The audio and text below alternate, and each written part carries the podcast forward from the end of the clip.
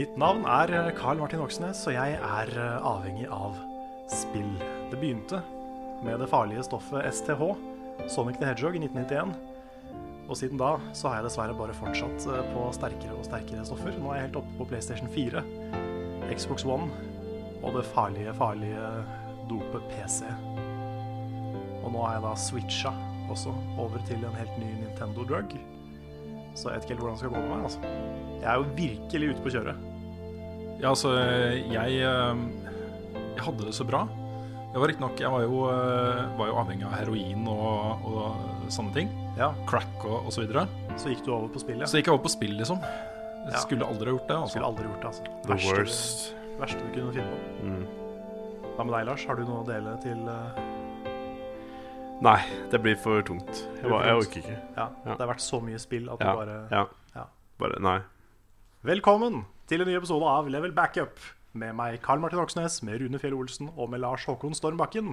Hello. Det er en liten referanse i det vi prater om. Vi sikter til en artikkel på NRK Trøndelag som går sin seiersgang over det ganske land om dagen, Ja. eh, med tittelen 'Gaming er et større problem enn rus'. ja. En ikke provoserende tittel i det hele tatt. Nei, det er da Nav i Trondheim. Dvs. Det vil si det er eh, Sverre Aasbakk, som er ungdomsveileder ved Nav Østbyen i Trondheim, som, eh, eh, som da er sitert på f.eks.: Enkelte kaller det elektronisk heroin, og de blir fryktelig avhengig av det. De trekker seg vekk fra familie og venner og sitter alene og spiller. De har heller ikke måltider sammen med andre, men ordner seg mat selv. Og så han beskriver da eh, spilling som et større eh, samfunnsproblem enn narkotika. Ja. Blant da særlig unge mennesker, vil jeg anta. Um, det er jo eh, Vi har jo Det er masse av våre lyttere og seere som har sendt oss meldinger og lurer på hva vi mener om saken. Og det korte svaret på det er vel at dette her er jo fryktelig tendensiøst og unyansert journalistikk. Det er det. Um, jeg blir provosert. Ja. Det, det er liksom noe man skulle tro forsvant for ganske mange år siden. Det er lenge siden jeg har sett en artikkel som er så sånn eh, Å nei, tenk på barna. Ja. Spill er farlig. Mm. Det er liksom, vi, Jeg føler vi bevegde oss litt vekk fra det. Mm. Så jeg vet ikke hva det her er for noe. Nei, man skal ta, man skal ta spilleavhengighet på alvor, føler jeg. Ja, altså Selv om det gjelder få mennesker. Eh, Det, så- fin, det finnes jo folk som blir fortapt i WoW, liksom. Mm, Eh, Og det er jo et problem for dem. ja da. Men det at liksom spill i seg sjøl, og MMO-er i seg sjøl, er avhengighetsskapende på den måten, Mm. det tror jeg ikke noe på. Og et samfunnsproblem på den Ja, måten. Ja. det er jo det også. At de, han sier at narkotika er bedre. Ja, han sier egentlig Ja, nesten. Det er jo nesten det han sier, liksom. Det er det jeg føler at den uh, artikkelen på en måte bare Yes. Og det er jo um, Ja. Ja, han, han også, sier også da før var vi mest bekymret for misbruk, men nå er vi mest bekymret for at de skal bli hektet på spill. Ja. Gaming er i omfang et større problem enn rus. Så det han snakker om, er jo at det er mange flere som spiller dataspill enn Ja. en, uh, uh, rusmisbrukere. Mm. Ikke sant? Stort problem. Ja, altså Dette er jo Jeg gjentar, det er greit å ta liksom spillavhengighet på alvor. og Det forskes masse på det, og det er et uh, uh, alvorlig problem for noen veldig få mennesker. Uh, på samme måte som det er et alvorlig problem for noen veldig få mennesker at de er schizofrene eller hva som helst. liksom altså, Det fins jo behandlingstilbud for alt mulig rart. Eh, og det er fint å hjelpe mennesker som sliter med ting. Men for 99% av alle som spiller, så er liksom spill noe positivt. Mm. Ikke sant? Også for eh, en del ungdom som kanskje sliter med andre ting. Mobbing, eh, eh, sosial eh, mistilpassethet, eh, masse, masse sånne ting. da Kanskje litt eh, misbruk i hjemmet, vold, alkoholisme, sanne ting, liksom. Så kan spill være en utrolig positiv drivkraft i livene deres. Et sted hvor man knytter vennskap og får et sosialt nettverk og på en måte en, en hverdag som, som er positiv, da. Mm. Istedenfor alt det negative rundt. Ja, ja, Det virker som den personen her ikke har fått med seg det sosiale i spill. Nei. At det går an å på en måte At det går an å ha ganske mange positive sosiale opplevelser i spill. Mm. Om det er i et MMO eller om det er i hva som helst. Ja. Så er det, sånn, det er en ting det er veldig lett å gjøre med venner. Å få nye venner via. Ja. Det er det.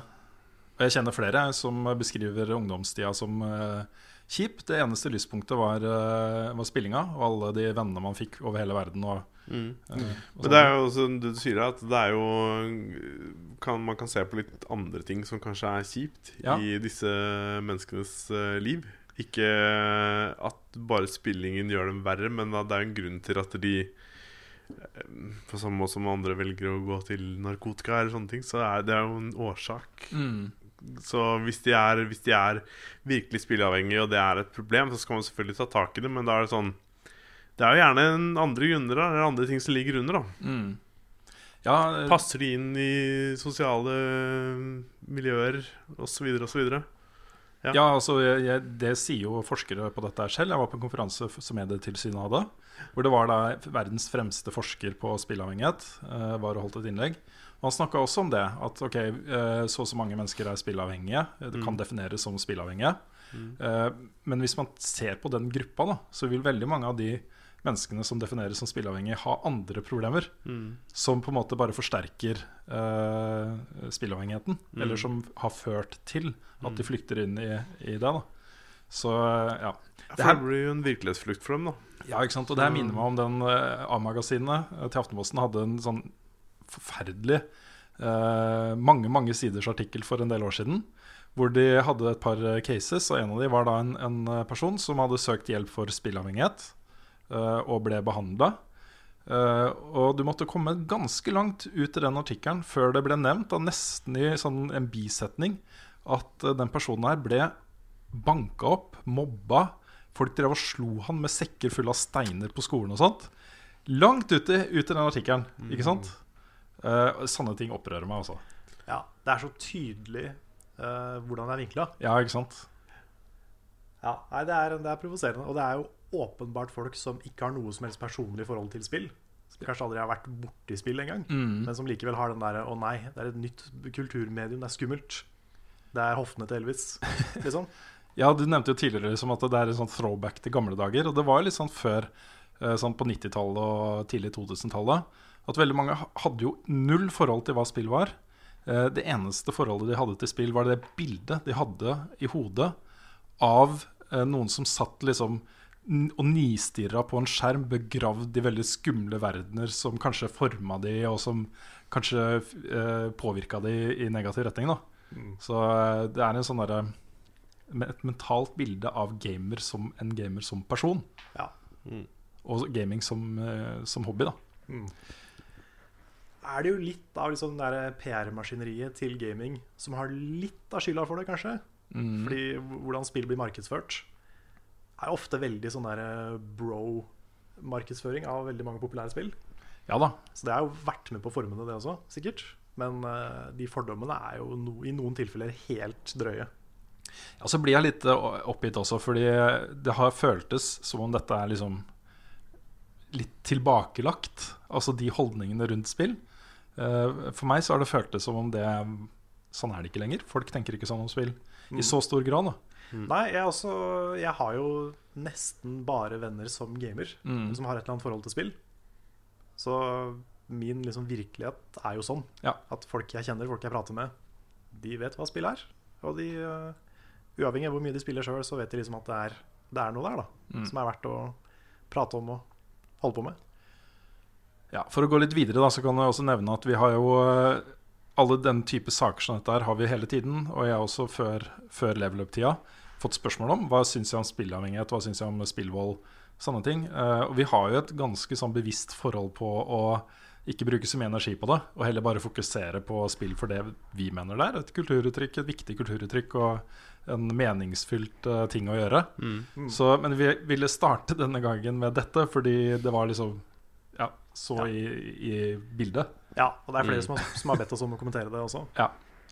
Så, så vi ble litt opprørt. Men vi kan jo fortsette da, resten av podkasten med å bare snakke om, eh, om eh, spill på en måte som vi syns er koselig å snakke om. Mhm. At, Ja. eh, ja, Det høres ut som en bra deal. ikke sant? Vi kan jo begynne med hva vi har spilt i det siste. Ja, vi kom jo rett fra et presseevent uh, på House of Nerds.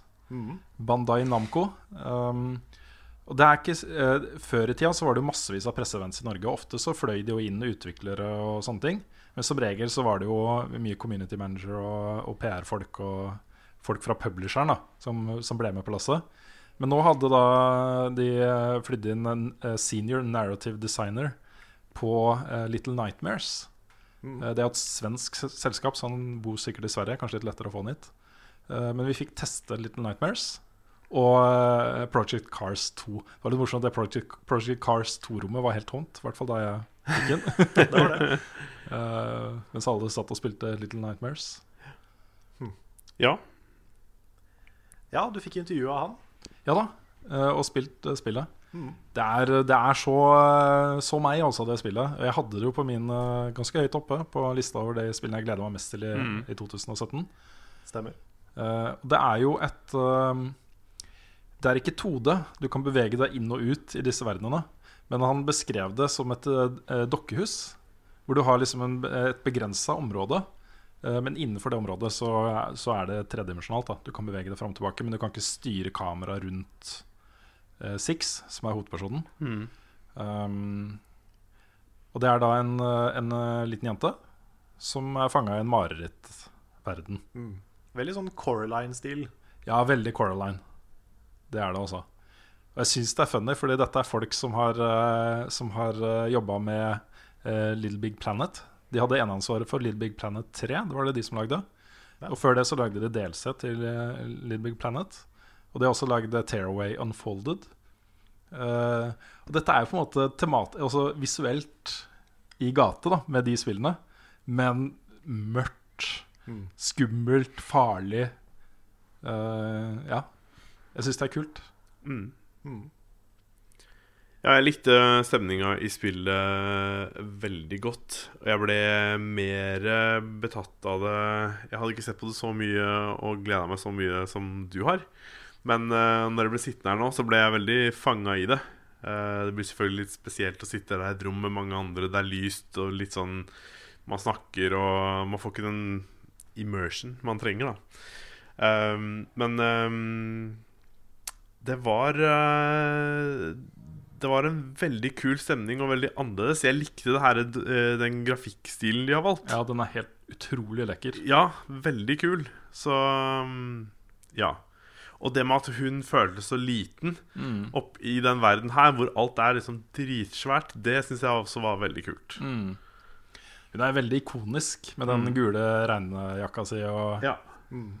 Det er sånn cosplay-materiale de luxe. Ja. Blir nok noen Six-cosplayere på, på Desicon uh, osv. Ja, det tror jeg. Sånn Innholdsmessig så hadde det også en del til felles med, med Inside og Limbo. Mm. Um, det er livsfarlig, og uh, hvis du gjør noe feil, så, så dør hun, liksom. Og du må Ja. starte på nytt. Det er de monstrene, eller hva man skal kalle det, det ekle, altså. groteske ting som skjer der. Altså, Ja. Når jeg innså liksom hva som På den ene greia hvor Jeg vet ikke om det blir spoiler å si det, men det altså Hvor du står og pakker barn inn i sånne I papir. Som om det skal liksom Som om det skal selges som kjøtt. Altså Det var bare sånn her Jeg vet ikke hvor de får dette greiene her fra, men det var helt drøyt. Mm. Når du står og tenker på hva som egentlig skjer med han det monsteret du skal snike deg forbi. Ja, det var, eh, det var ekkelt, ass. Mm. Det, ja, det var sykt stemningsfullt. Mm. Og det lydbildet også var ganske intenst. Fantastisk. Jeg fikk nesten lyst til å ta av meg headsetet, for det var litt, litt for ekkelt. Men uh, Sånn er det noen ganger med Bloodborne. Ja. ja, den ser jeg. Ja. Jeg er kanskje litt mer lunken enn dere. Jeg syns det, var- det var veldig bra. Mm. Og det er altfor tidlig å si, selvfølgelig, siden spillet er jo verken ferdig eller, eh, eller har spilt spesielt mye av det. Men jeg syns starten var litt sånn lite intuitiv, kanskje. Jeg sleit litt med, å, med controls, finne ut hva jeg kunne gjøre og ikke kunne gjøre. Ja. Mm. Jeg brukte litt for lang tid på å bare loke rundt og bare Å ja, her kommer jeg ikke inn. Nei. Og så kikka jeg rundt og nei, skulle ikke dit og skulle ikke dit. Og sånn, å ja. Etter sånn 20 minutter så var det Her kan jeg liksom komme meg videre. Mm. Så jeg vet ikke. Altså, det var litt sånn uh, seig start. Jeg syns det var litt rart også, fordi, eh, fordi veldig mange av de tingene i starten uh, så må du bare finne ut av grunnleggende mekanikker selv. Eh, Men så plutselig så kom jeg til en sekvens hvor jeg hang fra noe i taket. Og da kom det instruksjoner om at jeg kunne svinge til fram og tilbake. Ja, sant?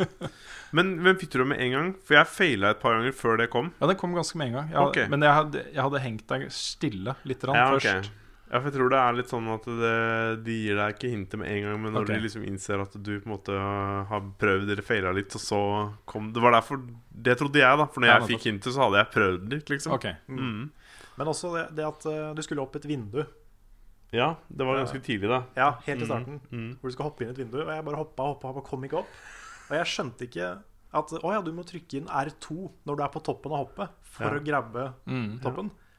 Sånn er det jo ikke i de fleste spill. Nei, men når du har lært deg det, så skjønner du jo det. Ja, men jeg du jeg ikke å hadde ikke lært det, ikke sant? Ja, Nei, men det- Jeg, jeg trodde ikke jeg skulle dit, så jeg gikk tilbake. ikke sant? Ja. Prøvde å finne et annet sted. Åh, jeg, jeg, liker, jeg liker det at du må finne ut av de tingene. Og når du har lært det, så har du lært det. Ja, jeg, altså Den der Det learning den- by doing-greia er veldig bra. Ja. Men jeg syns ikke de gjorde det så bra her. Jeg syns det er mange andre spill som gjør det bedre. Mm. Jeg kommer jo rett fra Zelda, Altså det noe Ja, altså Det var den første knappen jeg prøvde, var å trykke R2. Uh, jeg vet ikke om det er fra Little Big Planet, om du gjør det samme der. For du kan jo grabbe Jo, der, men det du bruker samme knapp Det kan eh, For meg så var det veldig Det var den første knappen jeg valgte å prøve. Liksom Det var actionknappen for meg i det spillet. Det føltes veldig sånn Hva kaller man det? Organisk? Eller at man, det blir liksom ja. Jeg grabber med triggerknappen. så det ble veldig sånn Ja. Ja, Det er derfor jeg ble forvirra. Ja, okay. tenkte, limbo. Ja. tenkte at eh, grab var den. For det så ut som du grabba med den, og så gjorde Ja, du det. Og så, ja. Sånn var det jo i Shadow of the Colossus også.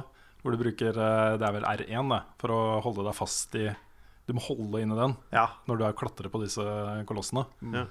Eh, som også er en sånn eh, Det ble jo beskrevet som et veldig sånn bevisst designvalg. At du skulle føle som at du faktisk holdt i noe. Mm. Ikke sant? ja. Så Nei, Jeg er veldig nysgjerrig. Det kommer jo slutten av april på PC, Xbox One og PS4. Um, jeg, jeg gleder meg. Det her er eh, et spill jeg virkelig, virkelig eh, er hypa på nå. Altså. Mm. Det jeg er mest spent på, er om du klarer å bevare spenningen. Fordi Mm. at det her er Du får liksom på en måte se disse her eh, ekle figurene ganske tidlig. Så Mm. det, det går Det går eh, ikke lang tid før han på en måte ikke blir skummel lenger. Mm, Men eh, ja. Så det er jeg spent på om de klarer å introdusere nye ting som gjør det um, Mm. mer creepy. Eller altså at de beholder den stemningen hele veien. Da. Det var en helt nydelig sekvens helt, i- helt i starten hvor, eh, eh, hvor hun går saktere og saktere og begynner å holde seg for magen og Ja, øye seg. Og Det var, Ja, det var faktisk uh, Men da skjønte jeg ganske fort Skal vi si hva som skjedde der? Når den sekvensen er over? Ja, vi Det kan, er det spoiler? ja, vi- det er spoiler. det? Vi kan, Ja. Men hun var sulten, Ja. ikke sant? Og Ja. det påvirka hvordan hun oppførte seg i ja den og jeg verden. fikk så vondt av henne. Herregud, altså. Det var bare sånn Jeg bare satt og Nei! Det var liksom åh. Ja, det var uh, mm. Greit. Eh, men det kommer snart. Uh, jeg gleder meg. Uh, jeg var jo også en tur innom Project Cars 2-rommet. Ja. Aleine. jeg satt der alene og spilte. Det er jo jeg, Project Cars kom på et eh, tidspunkt hvor jeg var litt mett av bilspill. Så jeg brukte ikke noe særlig tid på det. Jeg, jeg kjøpte det, installerte det, spilte det litt. Um, Orka ikke å dedikere så masse tid til det. Det er jo et simulasjonsspill. Eh, og jeg så at dette her er kjempebra, men personlig så var jeg ikke så veldig engasjert på det. Og så, sånn er det litt fortsatt. Uh, det ser kjempebra ut. Og jeg spilte to baner. Den ene var komplett umulig. Det var eh, isracing. Og da ikke bare racing på snø, men det var uh, blåis, liksom. Blank is. ja. Eh, hvor bilen ikke hadde noe feste omtrent i det hele tatt. Så jeg bare vingla fram og tilbake og fikk ikke det til i det hele tatt. Men så kjørte jeg en runde på Fuji Speedway, som jeg kjenner godt fra veldig mange andre spill. Uh, det var gøy. Du, er, dette, er det det spillet PlayStation ga bort? Project Cars? Jeg lurer på om de ga det bort, ja. På, For det var et sånt bilspill som tok veldig lang tid før det, før det kom. Som de endte opp med Nei, du, du tenker på Drive Club, du. Ja, selvfølgelig. Mm. Det er det, ja. Ja, never mind. jeg er ikke så inne i bilspillet at jeg måtte liksom Nei, men det virker veldig bra. Jeg tror Hvis man er opptatt av og glad i simulasjonsbilspill, så, så er det verdt å se fram til dette Ja. her. Altså. Så Ja. ja. Noe mer enn det kanskje ikke noe. Nei. Nei, jeg vet ikke, jeg har ikke så mye å tilføye. Så Men vi, vi hadde jo en stream i går ja. hvor vi spilte en eh, Det var tre forskjellige Switch launch-spill. Begynte med Shovel Knight Spectre of Torment. Mm. Som jeg syns Shovel Knight var et av de beste spillene i 2014, da det kom. Tror det var 2014. Og uh, Spectre Torment så har jeg fortsatt bare spilt det vi spilte på stream. Men uh, jeg synes jeg fikk et veldig godt inntrykk av det. Et veldig annet gameplay med han derre Ikke Plague Knight, men uh, Spect Spectre Knight, eller noe sånt. Ikke spør meg. Jeg bare, jeg bare så Ser jeg, jeg så bare den figuren, og jeg tenkte bare dette her er liksom ikke det jeg husker Shovel Knight, på en måte. Nei. Så jeg kjente ikke den karakteren. Han har ikke en spade. Nei. Nei, Nei men eh, han er, han er veldig kul å spille som. Ja. Han har helt annet moveset enn det Shovel Knight er. Mm. Og jeg syns de er utrolig gode på å ta den litt sånn gammeldagse oppskriften og modernisere det på sånne litt sånn subtile måter. Som får det til å føles litt sånn fresht allikevel. Da. Og de bruker eh, tilnærma 8-bit eh, pixel art. Eh, men de gjør det veldig detaljert. Veldig veldig bra level design. Og eh, gøy å spille, da. Mm. Så det føles som et bra Megaman-spill, på en måte. Mm. Med forskjellige figurer, da. Så eh, jeg skal fortsette på det. Kult. Og så spilte vi Snipperclips. Ja. Vi var ganske gode i Snipperclips. Ja, dere, Ja. Var, dere fikk skikkelig teke på det etter hvert. ja. Det var gøy å se på dere. Den øhm, Sånne ting som går liksom sånn former og logikk og litt sånne ting, det er spill jeg øh, digger. Ja. Det er sånne ting jeg tar øh, Jeg merka at du ble veldig fort veldig god. Ja, jeg tar, jeg tar sånne ting ganske lett. Ja. Uh, ikke for å være liksom ja, Det er tegn men- på høy IQ, det. Det er sånne, sånne ting man tester IQ-tester. vet du. Ja, ja, kanskje. Uh, skal ikke begynne å snakke om hvor mye IQ jeg har, men uh, Det er skikkelig mye, for å si det sånn. Skikkelig mye. det er, Og det er nesten mye. like viktig som gamerscoren din på Xbox. uh, ja, det er min metakritikk. Ja. Uh, nei, men det, det var Det var jo kult. Eh, jeg bare tenker at det, det, Gjenspillbarhetsverdien, eller hva man Hva heter det? Gjensp ja, Å spille det igjen er på en måte ikke så veldig høy, da. For når du har spilt det en gang og lært det, så er det liksom Det er greit. Jeg tenker For barn så kan det være veldig kult. For de kanskje ikke er like intuitive på ting og, um, og kan lære mye av det. Og ikke minst det her samarbeidselementene der er jo veldig Veldig kule, da. Mm. Så det, det likte jeg. Det er litt sånn feel good, Mm. fordi du, du løser noe sammen. Og Ja, det er litt koselig. Jeg kunne tenke meg å spille det med dattera mi. Ja, ja det tror jeg har vært kjempegøy. tror jeg kan være kjempegøy. det har sikkert Um, digga. Mm. Og jeg eh, For barn så kan jeg se at det er en, eh, det er en, det er en bra ting. For det er eh, både samarbeid og logikk. Du må tenke sammen. Så sånn sett så det skaper jo noe spesielt. Mm. Ikke sant? Mm. Um, Og så tror jeg det er et bedre partyspill enn One to Switch, egentlig.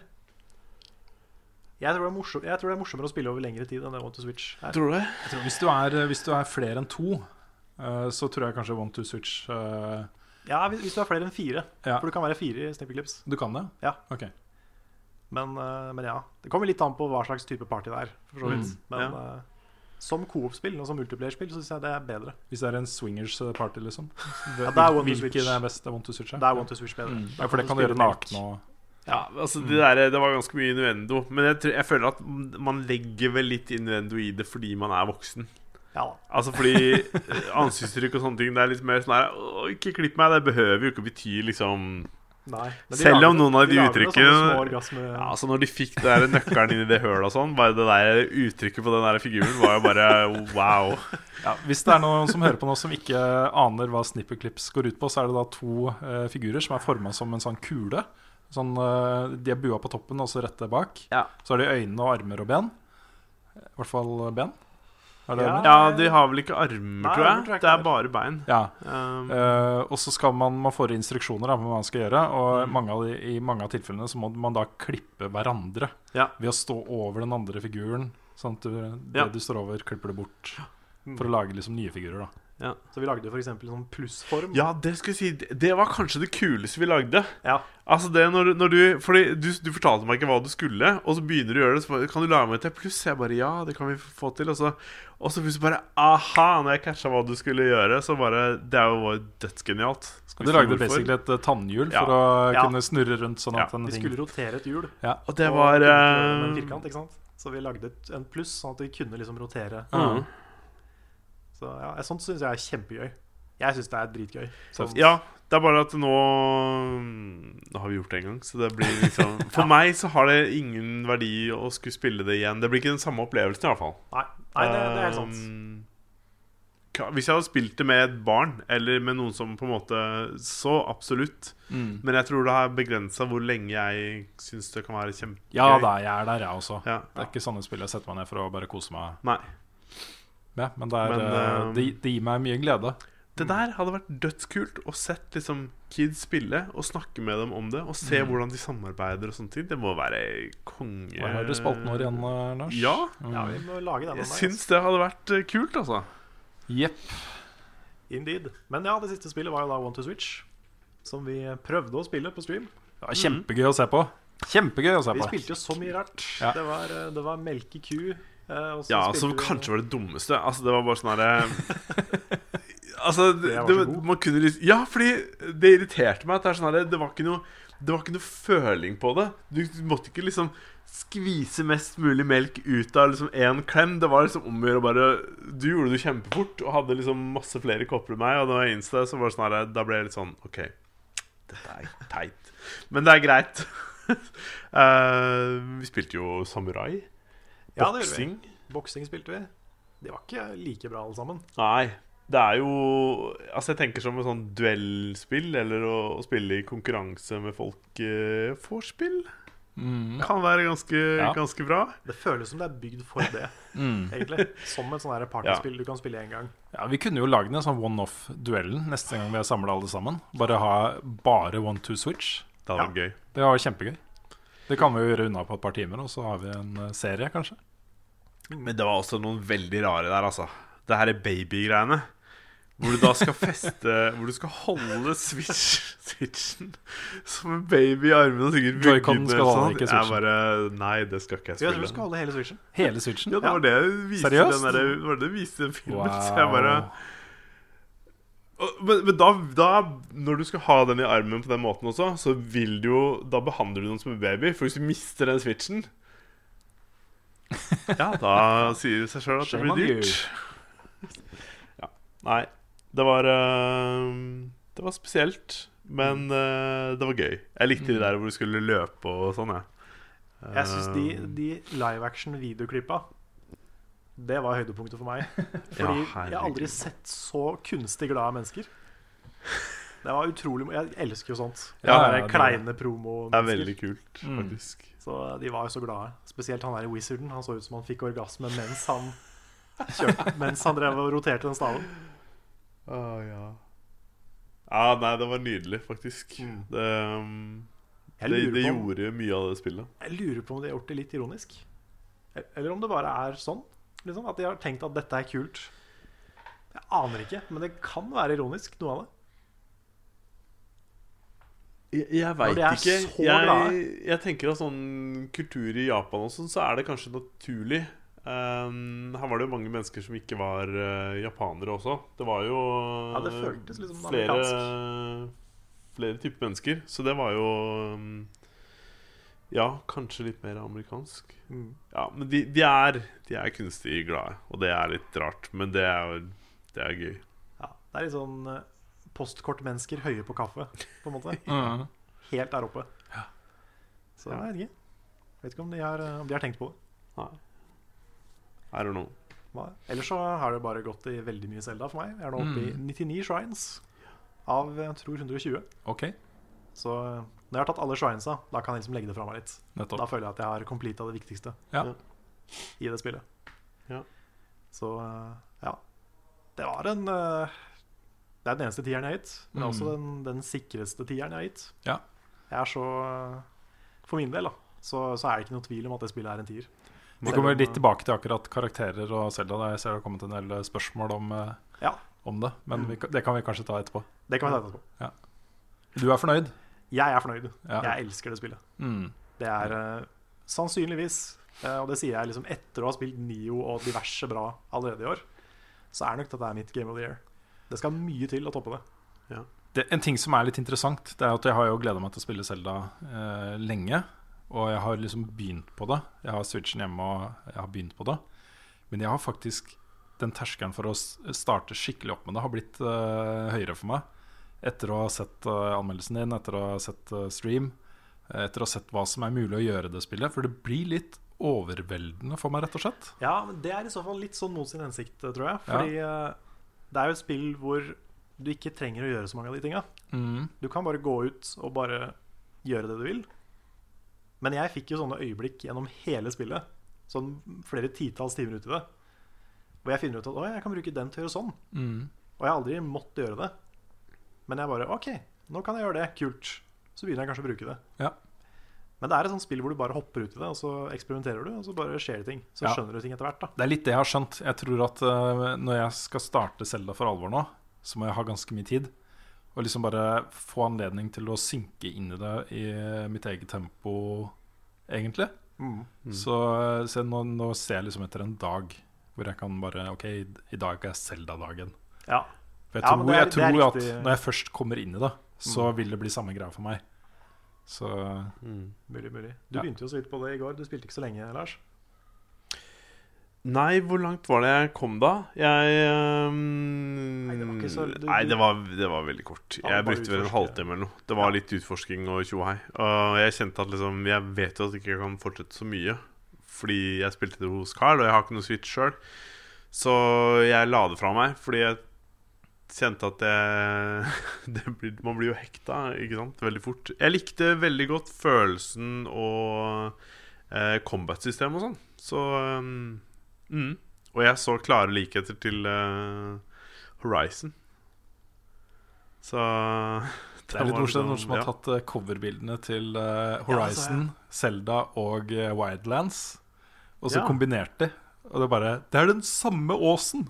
Det Ja, samme riktig. fjellet! Ja, Det var kult, det bildet. Ja, det var morsomt. Ja, fordi det er noen likhetstrekk i liksom story-elementer og sånne ting også, Mm. som jeg eh, Som var litt påfallende. Så det var litt eh, spesielt. Jeg tror mye av det er litt Men, sånn typisk eh, eh, open world-sjangeren.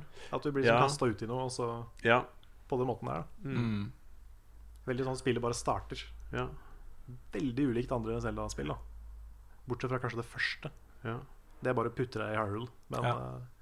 Eh, de andre har jo som regel sånne lange åpningssekvenser med du skal gjøre sånn og sånn før du kan utforske verden. Mm.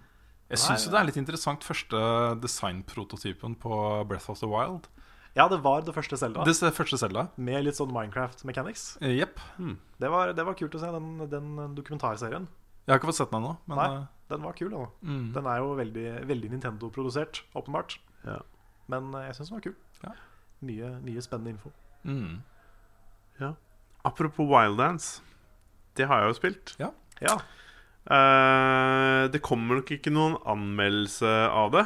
Uh, litt også fordi vi har kommet litt treigt i gang, og det blir dyrt og Ja. Uh, I det hele tatt. Vi hadde en diskusjon på det sist gang. Men eh, vi skal prøve å få redigert noen eh, episoder eller, av det vi har spilt inn, eh, jeg og Nick og eh, et par andre. Det blir litt eh, variert hvem som er med. Men um, det kartet er svært. Det er sånn fem ganger størrelsen av GTA-map eller et eller annet sånt. Og det det er helt hysterisk digert. Det var veldig merkelig måte å si det på. Men um, spillet er Det er ikke dødsbra. Det er veldig kult å spille sammen. Eh, jeg personlig har fått mer glede ut av å spille aleine, Fordi da får du med deg tre AI som du kan styre og kontrollere helt. Da kan jeg gå helt fram i eget tempo, snike, angripe, eh, rekognisere eh, og sånne ting. da Og det syns jeg var en veldig kul ting. Når vi har spilt sammen, så er det litt sånn her gønna på, liksom. Bare ja. fikk, nå fikk jeg et bilde i hodet av at Ok, her er dere fire stykker på team. ja. Og så er alle som bare ha, halser etter eh, Nick. Prøver å komme fram før han har drept alle. Ja. Nei, det er faktisk ikke sånn det er. Um, det er mer noen andre som er litt sånn um, Som ikke tar det seriøst i det hele tatt. Som er på en måte den um, Leroy Jenkins. Um, men um, Da ser jeg for meg litt sånn som da vi spilte Assassin's Creed Unity. Hvor du eh, og jeg liksom prøvde å legge en plan. Jeg spiller jo det som Ja. stealth-spill. Ok, det er en fyr der, Lars. Hvis, du, hvis vi bare sniker oss bort Og mens jeg sa det, så har du allerede løpt bort og begynt å slå. liksom. Og har lurt av Ja. to andre vakter. Men det er, det er litt sånn.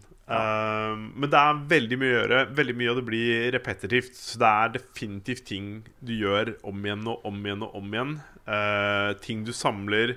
Eh, du må avhøre folk og hente informasjon ut her og der for å finne ut hvor ting er på kartet. Um, og det blir jo et sånt rush mot å få flere skill point, øke karakteren uh, i nivå, uh, skaffe seg bedre våpen. Det, det, er liksom bare det det går på. Storyen har jeg ingen peiling på. Du skal ta liksom en main boss, og så skal du ta mange små bosser før det.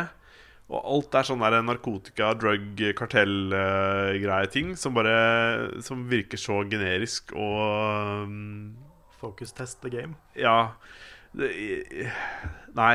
Jeg fatta ingen interesse for det. Nei. Men um, Men det, hvis man um, gidder å ta det litt sånn som de kara gjorde det på E3, så kan man ha det litt gøy med det. Ja. Um, så hvis vi gjør det litt ironisk Ja. eller litt på gøy istedenfor Ja. for å gjøre det for å selge spillet. ja, Ja. vi har ikke klart å få til det, da. For det blir det, blir- Man har en idé om hvordan man kan gjøre det, men det er, blir veldig vanskelig. Det er eh, Men det er veldig morsomt spill å spille sammen med folk. Um, og du kan ikke bare rushe inn og ta heller, fordi du blir ekstremt fort sett og drept av disse uh, folka du angriper. Så um, man må være litt uh, smart når man skal Mm. spille. Så um, ja. Jeg vet ikke, det er ikke så veldig mye mer å si om det, annet enn at det er uh, Det er gøy å spille med venner. Og uh, så får man bare prøve å legge lista deretter Ja. sjøl. Det var egentlig en fin anmeldelse. Syv av ti. Ja, det er maks det jeg ville gitt det, faktisk. Altså Sekser eller sjuer. Ja. Men det er eh, som med veldig mange andre spill, så er det, så er det gøy å spille sånne ting sammen.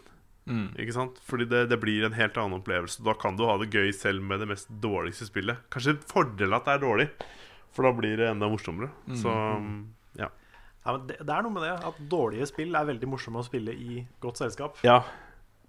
True. Jeg hadde jo, hadde jo dritgøy da Bjørn og jeg spilte Sonic 06 for eksempel Ja. Og bare reagerte på alle de bugsa som kom absolutt hele tida. Mm. Bjørn gikk jo fra vettet, liksom. Der han stoppa i toppen av en sånn loop og sto opp ned ja. og sånne ting. Det, er- var dritgøy. Kult. ja. Så Det kommer litt an på hvor, hvordan dårlig spillet er. Men eh, hvis det er buggy, så er det ganske gøy å spille med venner. ja, Mm. helt klart. Selv er jeg da ekstremt dypt inne i Bloodborne fortsatt. Ja, Og det er- jeg syns det er så kult at du har blitt så hekta på Bloodborne. Det er Jeg merker at, øh, at det også er ganske smittende. At jeg liker det så godt. Det er flere venner av meg som sier at de øh, har begynt på Bloodborne nå. Eller vil begynne på Bloodborne, eller skal begynne på Bloodborne. Um, og det er uh, Jeg nevnte vel det på streamen, tror jeg. Uh, eller om det var i da episoden som kommer neste uke. Det husker jeg ikke helt når jeg sa det. Men øh, jeg har aldri vært sånn evangeliserende overfor Destiny. Jeg har aldri prøvd å pushe Destiny på folk, selv om jeg har vært supergira på det selv. Så Så er det aldri sånn at jeg har prøvd å få folk til å begynne å spille det. Men Bloodborne har blitt litt sånn, da. For jeg unner folk så veldig den opplevelsen som jeg har hatt nå. Eh, og jeg skjønner, jeg skjønner greia. eh, hvorfor du har vært så veldig på meg for å spille det spillet eh, siden det kom ut, Karl. Mm. Så eh, utrolig givende, altså. Veldig givende. Ja. Nei, det, det begynte jo Det er blitt en sånn der rar eh, sånn eh, Hva heter det? Chain reaction. Mm. Som begynte med Svendsen, da vi ansatte Svendsen. Basert på en Dark Souls 2 Nei, Dark Souls 1-anmeldelse. Ja. Så smitta han meg. Og så smitta vi deg med Bloodborne. Mm. Og så er nå Rune på. Ja. Frida har begynt. Mm. Og Nick er vel også en del inne i Souls nå? Ja, absolutt. Jeg vet ikke hvor han var i hele den rekka, om han føyer seg en rekka på Ja. egen hånd eller pga. er ikke- noen her, men um, Det er ikke mange spill alle i Level Up spiller. Nei. Det er ikke det. Nei. Men dette her er jo da et av de første. Men det er jo et av tidenes beste spill. Jeg mener det. Ja. At det er eh, definitivt topp fem. Ja. Mm. Det er helt fantastisk. Nå nærmer jeg meg slutten av liksom uh, main-storyen. Ja. Så eh, litt sånn eh, Jeg er litt letta over det også.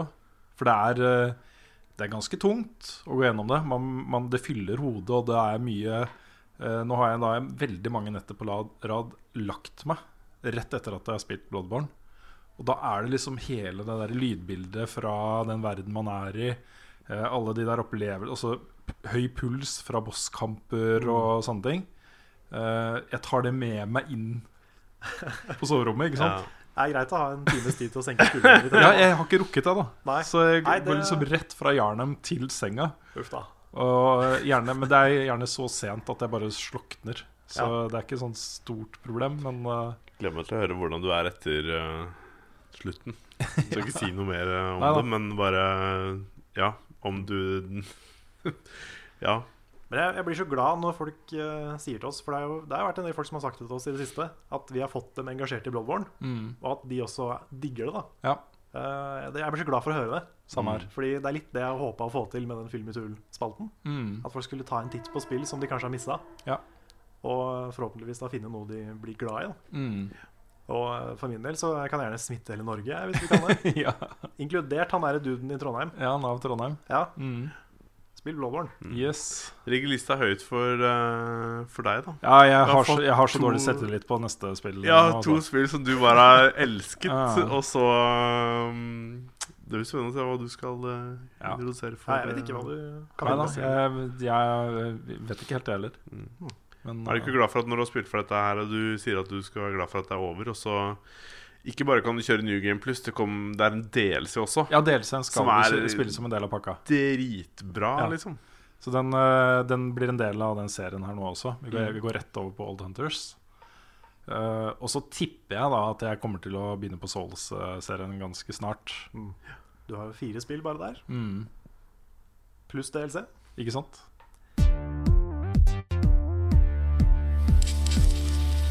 Da er det nyheter. Har det skjedd noe spennende i det siste? Ja, det har skjedd en del. Ikke sånn voldsomt. Altså, uh, no Man's Sky har fått en kjempefin oppdatering. Uh, kommet flere detaljer om hvordan uh, siste store oppdateringen til Destiny blir, og litt sånne ting. En del datoer.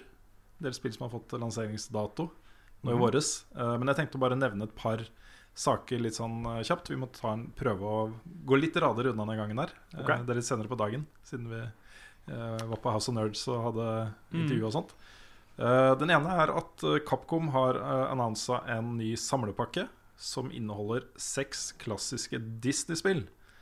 Denne skal komme ut til PS4, Xbox One og PC og inneholder Chip and Dale, eh, Chip and Dale Rescue Rangers 1 og 2, Ducktales 1 og 2, Darkwing Duck og Tailspin. Stas. Veldig stas, og de blir da fullt uh, remastera i 1080p HD. Du får en rewind-funksjon som gjør at eh, det kanskje blir litt mer um, eh, forgiving checkpoint-system. Ja, de er jo ikke lette, de spillene der. Nei, ikke sant? Eh, men det lanseres da den 18. april og vil koste ca. 200 kroner. Ja. Hmm. Men det er jo da, selv om det er oppskalert, så er det den originale NES-stilen, ikke sant? Ja da. Det vil bare se litt uh, smoothere ut på moderne TV-er. Mm. Ja, men det er spennende. Det er jo, det er jo noen klassikere fra NES. Egentlig alle sammen, tror jeg. Mm. Tailspin er vel kanskje det som har fått dårligst mottakelse, hvis ikke jeg husker feil. Ja, mulig. Jeg vet ikke. Men Ducktales har jo gjort det veldig bra. Ja. Uh, Darkwing Duck er et kongespill. Chip and Dale også er, så vidt jeg husker, veldig bra. Mm. Jeg har ikke spilt Tailspin, bortsett fra det lille vi spilte på en stream en gang. Jeg husker uh, Dpad snakka litt om at uh, hvis de fikk muligheten til det, så hadde de lyst til å lage et nytt Chippendale-spill. Oi, Ja. Åh, kult. De hadde jo en, eh, en skisse. Altså, eh, Simon lagde jo en eh, Ja, den var dritkul. Ja, ikke sant? Det hadde vært tøft. Ja, gi dem den lisensen. ja. Eh, andre nyhetssaken, Det blir kort nyhetsspalte den gangen. her Andre nyhetssaken er at eh, System Shock 3 nå også skal komme til konsoller. Det har jo vært annonsa for PC. Eh, ikke kommet noen detaljer om spillet i seg selv, men System Shock-serien, de to, særlig System Shock 2, er jo eh, kjent for å være kanskje starten på de intelligente skytespillene, hvis man skal kalle det det. Det er jo RPG slash skytespill. Eh, Men de to første så var det jo um, Irrational som sto bak. Eh, Ken Levine. Eh, Bioshock er jo en forlengelse av System Shock. Eh, men de eide jo ikke lisensen, eh, så, så ikke det samme. Eh, men System Shock 3 eh, er jo da under produksjon hos et selskap som heter Other Side. Og Project Leaden er Warren Spector, som jo har stått bak masse interessante ting. Uh, DU6 uh, blant annet. En legende i spillsammenheng. Mm. Men det er da Starbreeze som har gått inn her også. De har jo også gått inn som publisher av, eh, av Psychonauts 2. Eh, og nå har de spytta inn da en del millioner i, i eh, System Shock 3. Så det er tydelig at da en tidligere indie-utvikler er i ferd med å etablere seg som en publisher av Ja. større indie-ting. Så det er ganske interessant. Ja. Warren Spector var han som lagde Epic Mickey også, er det ikke det? Jo, det stemmer. Ja. Det stemmer. Stemmer. Mm. Mye forskjellig. Ja, dette er jo eh, Dette er en spillsjanger jeg er veldig glad i. Uh, rent sånn spilldesignmessig så foregår jo System Shock og Bioshock gjerne på begrensa steder. Altså litt sånn lukka steder. Det er åpen verden, men ganske lineært allikevel. Det, jeg digger det, altså. Ja, vi, eh, vi sa i stad at vi kom til å komme tilbake til anmelderscores. Kan du begynne der? Det kan vi. Det har kommet eh, et spørsmål, eh, mange spørsmål på Patreon om akkurat dette her. Og dette har vært den store snakkisen eh, den siste uka. Det er det. Um, et spill som får 9 av 10 og 10 av 10 overalt. Uh, hadde en snittscore på uh, 98 av 100 på metakritikk. Metacritic. Og så er det da en par anmeldelser som trekker uh, scoren ned til 97 eller et eller annet sånt. Mm. Uh, så vi kan ta spørsmålene først. Det er mange av de. Jeg tenkte jeg skulle bare lese det opp for å sette det opp for å sette litt fingeren på pulsen hos uh, spillfolket, liksom. Hva er det som foregår der ute på Ja. grasrota? Greit. Først er fra Anders Hole. Uh, hva er deres tanker rundt kritikken av Jim Sterling for å sette karakteren 7 av 10 til Zelda, og Gamer, Gamer nå sin 6 av 10? Hvorfor er gamere så utrolig overbeskyttende overfor sine favorittspill? Jeg begynner å bli drittlei. Så følger Martin Rotmo opp. Eh, dette er også mitt spørsmål denne uka, så gjerne svar på det. Men jeg lurer spesielt på om gamers anmeldelse er basert på veldig feil grunnlag. Er dette litt som at VG sender en heavyrocker på Marcus og Martini's konsert og ikke greier å sette seg inn i sjanger og målgruppe? Akkurat denne anmeldelsen fra Gamer minner litt om God kveld Norges utrolig kjempebra film Terningkast 2, da teksten ikke samsvarer med karakter. Skal vi se. Og så var det et fra Henning R. Eh, et nettsted ga nylig snipperklipp, eh, eh, snipperclips bedre karakter enn Breath of the Wild og sier at man ikke kan sammenligne karakterene fordi spillsjangerne ei heller lar seg sammenligne. Jeg har aldri tenkt sånn på karakterer før og syns det er utrolig interessant. Hvordan forholder dere dere til sjangere når dere gir karakterer? Skal vi se, så var det ett siste her også. Um, Tommy Wiik spør uh, hva tenker dere om at Breath of the Wild fikk 6 av 10 hos Gamer nå? Han trakk det mellom anna fordi det etter 20 timer ble kjedelig med klatring og trakking på tomme sletter. Tanker. Så det er liksom mange ting å ta tak i Ja, der. da mye å ta tak i der. ja. Men uh, det som, det, det som starta dette, var jo at uh, Jim Sterling, som første anmelder i verden, uh, ga noe annet enn 9 av 10 eller 10 av 10 Ja, stemmer. til Selda. Han ga det 7 av 10. Og han ble jo dedossa, fikk hatmeldinger, drapstrusler Ja. Liksom ikke måte på. Mm. Uh, og så fulgte da Gamer eh, opp et par dager etterpå med en 6 av 10-anmeldelse. Og det er jo uh, voldsomme reaksjoner på at ikke et spill får den karakteren mange mener det fortjener. Ja, det er, det er mye, mye der. Det ene er at noen, noen fans er klin gærne og sender liksom hatmeldinger og dødstrusler og alt mulig over små bagateller, liksom. Det er jo én ting. En annen ting er at jeg tror veldig mange ser på spillanmeldelser som et forsøk på en fasit. Og det er det ikke. Nei, det Det er ikke er, det. det er personlige meninger. Mm. Og jeg er helt, helt sikker på min egen tier. Jeg føler at den er helt riktig for meg. Og jeg er sikker på at uh, han i Gamer også er ganske sikker på sin egen score. Jeg tror ikke det her er noe forsøk på å trolle eller noe som helst. Jeg har sett mange, mange forslag om det. Om at kanskje han prøver å få oppmerksomhet. Jeg tror ikke det er noe av det i det hele tatt. Dette er en person som ikke likte spillet så godt, Mm. og det er greit. Det er helt greit. Det er helt i orden. Um, det, er ikke, det, det finnes ingen fasit om spill. Folk vil mene forskjellige ting om det. Mm. Og det at et spill generelt sett blir ekstremt godt mottatt, betyr jo ikke nødvendigvis at absolutt alle i hele verden må elske det like mye som, som det du gjør, eller som noen andre gjør. Det er jo eh, Ja, det, det hadde jo vært en veldig rar verden hvis det var sånn. Mm. Så, eh, så mye av dette går jo på en manglende forståelse av at spillanmeldelser er subjektive. Og en snittscore på Metacritic, bortsett fra at du som fan da, av Selda kan si at det er verdens tidenes nest beste spill, eller beste, eller et eller annet, liksom, eh, så betyr det jo ingenting. Det betyr Nei. jo i det store bildet ingenting. Men det jeg ville si noe om, er i forhold til det at man skal um, Han snakka noe sammenlignet med at en Snippeklips snipperklips. Nei, hva var det? Det å sende en heavy rocker på Marcus og Martinus. Ja. Ja. Så tenker jeg sånn Hvis en anmelder skal bare begrense seg til én type sjanger, én type ting, og bare fokusere på det, så må jo den personen bli farga av alt han spiller til slutt. Mm. Og da blir, Hvis du spiller bare det du liker, så tenker jeg at da får du ikke nyanser eller innblikk fra andre ting. Og det, det må gjøre anmeldelsene nødvendigvis dårligere. Mm. Eh, Sånn totalt sett, tenker jeg da.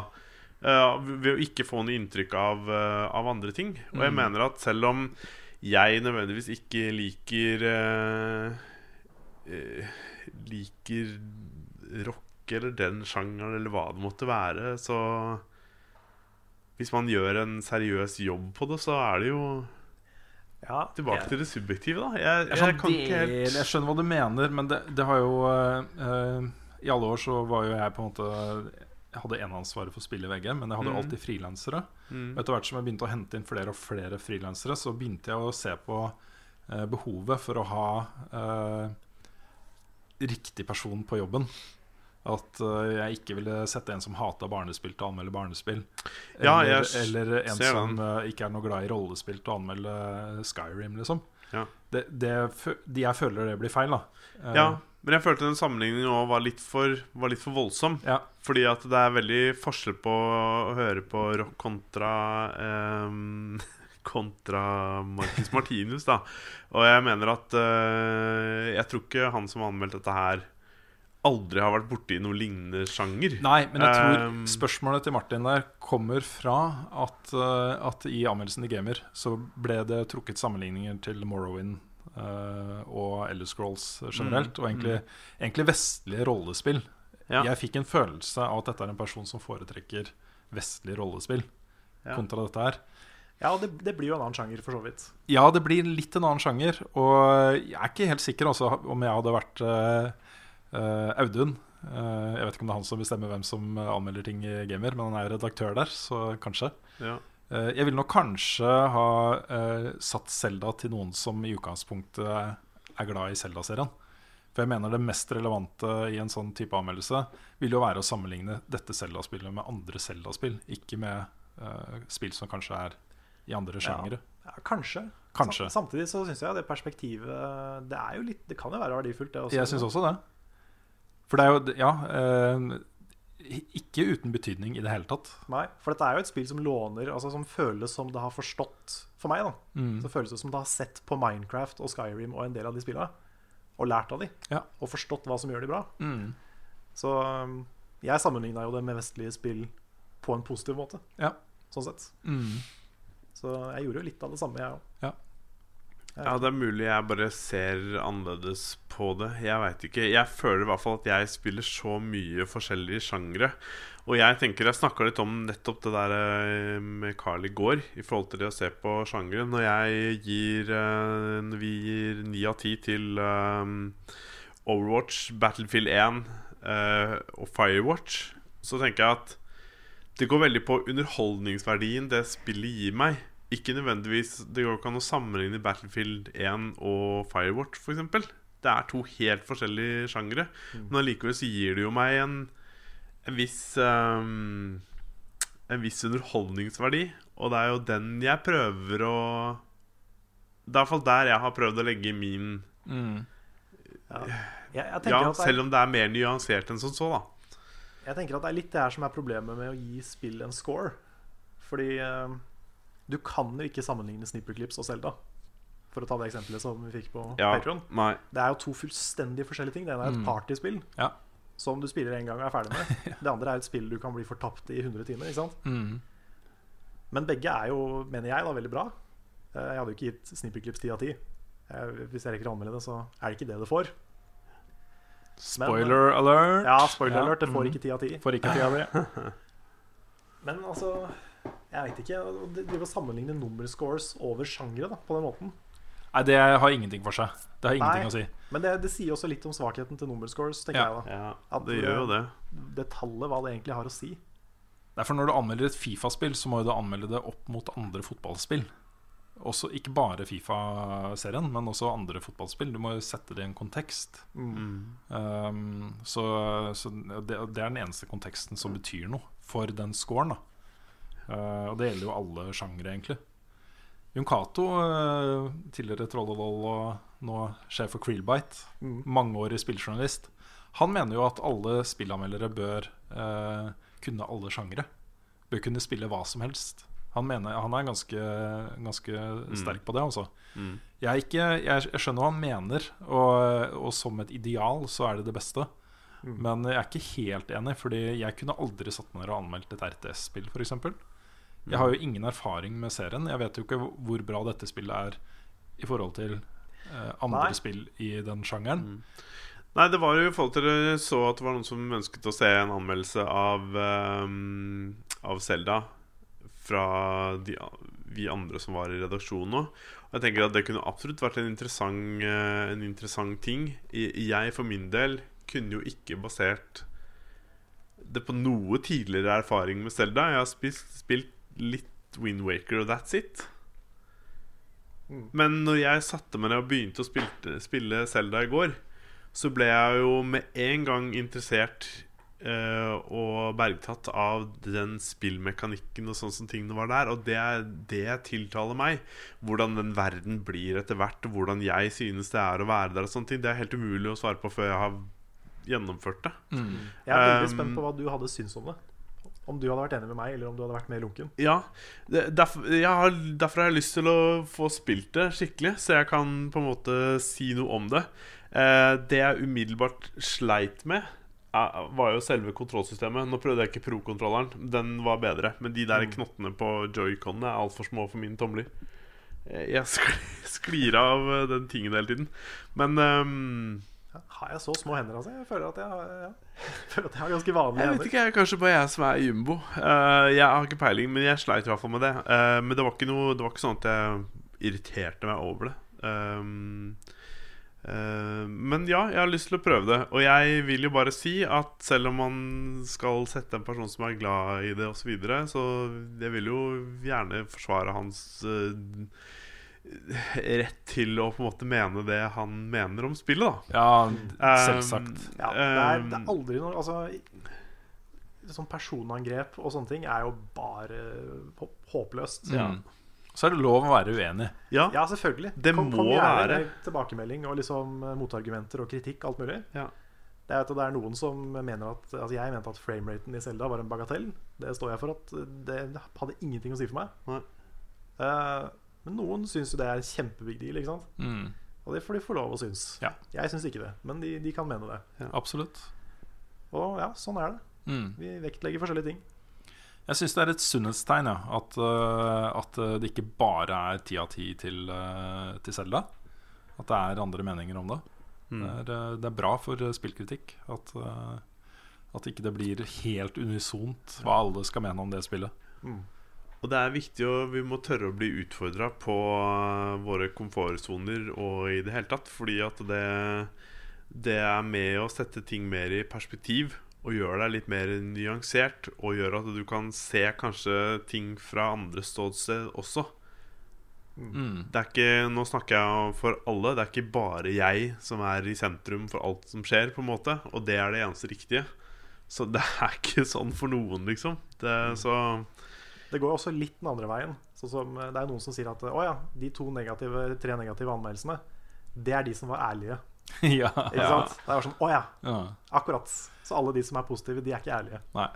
Det vil jeg er anta at det bullshit. gjerne er folk som uh, verken har spilt Zelda eller har tenkt til å spille Zelda. De tenker bare at å ja, dette er de, de tre som skiller seg ut, det er de som har rett. Mm. Ja. Du finner sikkert eksempler på noen som på en måte er eh, veldig fanboy og gir det ti av ti fordi at de, de er der og gjør det. Og, men det betyr jo ikke at alle er sånn. Og du, du, man kan jo ikke generalisere på den måten der. Nei, altså jeg tenker da Nå kan godt hende det er noen dårlige Altså Det finnes sikkert dårlige spilleanmeldere der ute. Mm. Men jeg har, fått- jeg har til gode å møte en anmelder som tar jobben sin så lite på alvor Ja.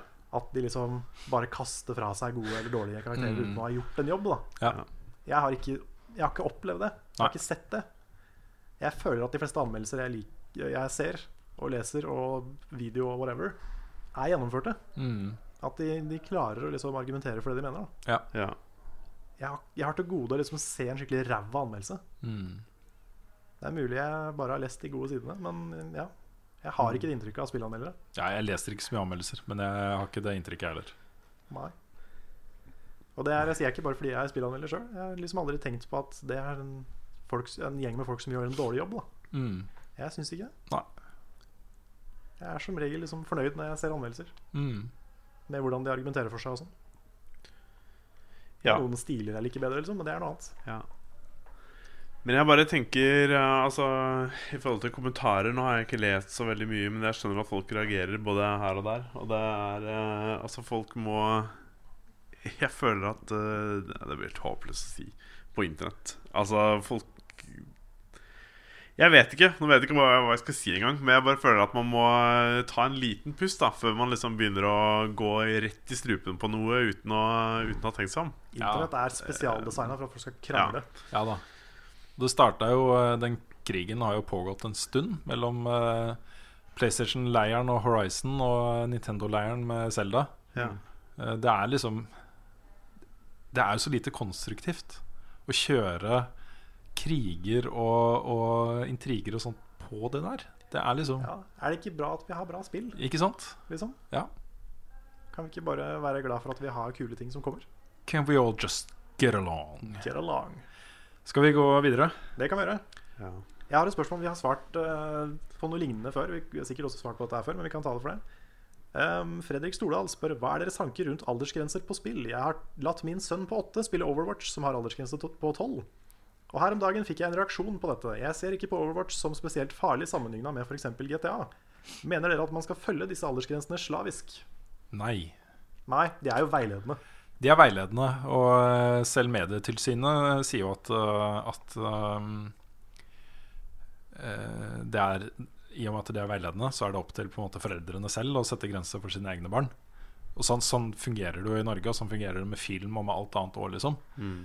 Eh, noen foreldre lar jo barna sine sitte oppe over den der vannskillegrensa eh, på kvelden. Mm. Etter det så, ikke sant Hvis det er et eller annet de har lyst til å se, da. Mm. Eh, og de sier det er greit at de får lov til å se det. Og samme gjelder jo med spill. Mm. Og jeg syns Overwatch er et veldig godt eksempel også, fordi eh, eh, Også med Destiny. Destiny er i samme gate. Jeg vet, vet om massevis, ikke personer som jeg kjenner, men jeg har på Reddit lest masse historier da, om foreldre som lar barna sine spille Destiny og Overwatch og den type spill, som jo er competitive spill. Og fokuset er på det competitive, ikke på vold. Det er ikke, det er ikke det som er fokus i spillet, det er ikke det som er poenget med spillet. Nei. Så tenker jeg litt også i forhold til når barn er såpass små at de nødvendigvis ikke 100% skjønner hva de gjør. For det er ikke sikkert de skjønner den kompetitive biten heller. Men jeg tenker at det er jo foreldrenes ansvar å snakke med barna sine om hva, hva som er. Og hvis kiden lurer på ting eller i det hele tatt det, det, Foreldrene må være smarte og voksne nok til å klare å ta den avgjørelsen. Sånn at uh, den kiden på åtte klarer å takle det. Mm. Fordi kan det at han bare vil det fordi at andre i klassa får lov til å gjøre det også. Det, da må man ikke bare bukke under for en sånn derre mm, Hva skal jeg si gjengmentalitet som Det var feil ord, kanskje, men at uh, man gjør ting bare fordi det får de andre lov til. Mm. Ikke sant? Ja, jeg husker det var veldig sånn diskusjon om Hotell Cæsar og South Park da jeg var liten. Det var ting som noen av barna fikk lov å se på. Andre barn fikk ikke lov. ikke sant? Ja. Det ble en sånn ting. Men uh, det ble en sånn liten minidiskusjon i uh, kommentarfeltet her etter det spørsmålet. Og Eirik Enga sier jo en veldig, veldig viktig ting. Uh, at man kjenner sitt eget barn best. Mm. Ja. Det er et veldig godt poeng. Ja, det er, det er et veldig godt poeng. Og hvis mine barn viser interesse for den type spill når de er åtte, så lar jeg nok de få lov til det. Um, Kingdom Hearts 2 har tiårsgrense, ja, ikke sant? og Donald er med, liksom. Ja. Tror det går bra. ja. Så øh, Ja. Det er liksom Vi snakka om det tidligere også med den saken på NRK. Fokuset på liksom skytespill i mediebildet har jo vært veldig negativt. Eh, og den generelle oppfatningen hos noen da er jo at uh, dette handler om vold. Ikke sant? Og det, det gjør jo virkelig ikke det. Både CS og Overwatch og uh, Destiny, altså Crucible i Destiny, uh, sånne ting, det, det handler jo om uh, konkurranse. Det er ikke sånn at at du spiller det fordi du får anledning til å drepe noen. Mm. Det er jo poengene du får. Laget ditt vinner, at du gjør en god innsats. Mm. Det er sanne ting. Ja. Så det er mye mer sammenlignbart med løkkefotball eller uh, andre typer sånn kompetitive fritidsaktiviteter. Da. Ja. Så- Og veldig har, ofte så har du jo i sånne typer spill Så har du jo um, objectives. Mm. Flagg du skal ta, sånne type ting. Det er jo ting som ikke er basert på nødvendigvis skyting heller. Mm. Så det er jo Ja. Men jeg tror jeg kanskje ville hatt litt, litt større problemer med, uh, med skytespill hvor uh, som er ganske grafiske på det. ja. Den, det store skillet der er jo eh, hvordan de skildrer disse dødsfallene i spillet. Altså når du dreper noen i disse skytespillene. Hvordan skildres det? Ja. Eh, og hvis du gjør det på en ganske grov Eller sånn måte hvor det er blod for eksempel, eller kroppsdeler, eller sånne ting, så får du 18-årsgrense. Mm. Åkke som, uansett så får du 18-årsgrense. Mm. Er det 18-årsgrense? 18-årsgrense på det. Ja, det Hvis, hvis du viser rødt blod i skytespill, så er det 18-årsgrense. Okay. Um, så hvis et, et skytespill har 16 da, eller 12 eller et eller annet, så betyr jo det bare at her er det tegne, tegneserievold som ikke er eh, realistisk. Ikke sant? Jeg har hørt at I USA da, så er det sånn at eh, hvis det er noe seksuelt, hvis det er nakenhet, i hvert fall grov nakenhet, da, så er det uansett adults only. Yep. Og det er grunnen til at det er veldig lite nakenhet i spill. Ja. Fordi hvis spill blir adults only, så blir det ikke solgt i butikken. Ja, eller i hvert fall ikke på de store kjedene som Walmart og, Nei, og sånt. Da kommer det ikke i hylla, liksom. Niks. Mm. Så det, ja. Ja det er litt av grunnen, da. Ja, det er, det er grunnen. Mm. Det er Derfor har vi også fått eh, special editions i Europa. Jeg lurer på om Fahrenheit og Heavy Rain lurer på om kommer i egne versjoner i, det? i Europa. Oi. Jeg lurer på det, altså. Yes. Hvor de kunne vise litt pupp. Ja. Mass, det var masse oppstyr da Mass Effect hadde sideboob. Ja. Sånn Sexbox. ja, ja, ja. Stort oppslag i Fox News. Og bare Yes, yes, yes. Nå, nå går det til helvete. Mm. Det var mye greier, altså. Men eh, for å bare avslutte der, så, så er det en i Medietilsynet som heter Eva Liestøl. Eh, Hun har ikke alltid jobbet der. Da GTA 3-debatten pågikk som verst her i Norge, så var hun ute i mediene og eh, bare oppfordra foreldre til å ikke være hysteriske på dette nye fenomenet dataspill, men isteden prøve å forstå den verden sammen med barna sine. Og så kanskje bli med de og spille litt og eh, diskutere det de opplever og sånne ting. Mm. Eh, fordi du nevnte jo, barn er forskjellige. Noen er eh, mer vare på den type inntrykk enn andre og vil kanskje eh, ha større problemer med å, å dykke ned i den type verdener. Og i hvert fall hvis de gjør det alene. Mm. Definitivt. Vi har et ganske kjapt og enkelt spørsmål fra Remi Granheim. Han spør hvem i redaksjonen står opp tidligst, og hvem står opp seinest. Det Eh, går om alle, da. Jeg vet ikke, vet ikke hvordan Frida er. Men jeg vet, at, jeg vet ikke heller så mye om Nick, men Svendsen vet jeg om. ja, ok. Så jeg tror seinest er ikke meg. Det er Svendsen. Det er det, ja. Ja, ja. Okay. Han, er, han er verre enn meg. Han er det, ja. Jeg tror han har vel nesten ikke døgnrytme, tror jeg. Ah, ja. Men han har jo kjæreste i Canada, så det er mulig det er litt det. Ja. Kanskje. Um, ja, han er vel veldig stille på det. Mm. Um, Så han har vel nesten litt sånn Canada-døgnrytme pga. det. Ja. Mm. Nick tror jeg er litt sånn fram og tilbake. Hvorvidt han uh, drar på skolen eller ikke. Ja, riktig. Mm. Sånn var jo, han har jeg også vært i alle år. Så det tipper jeg Frida er også.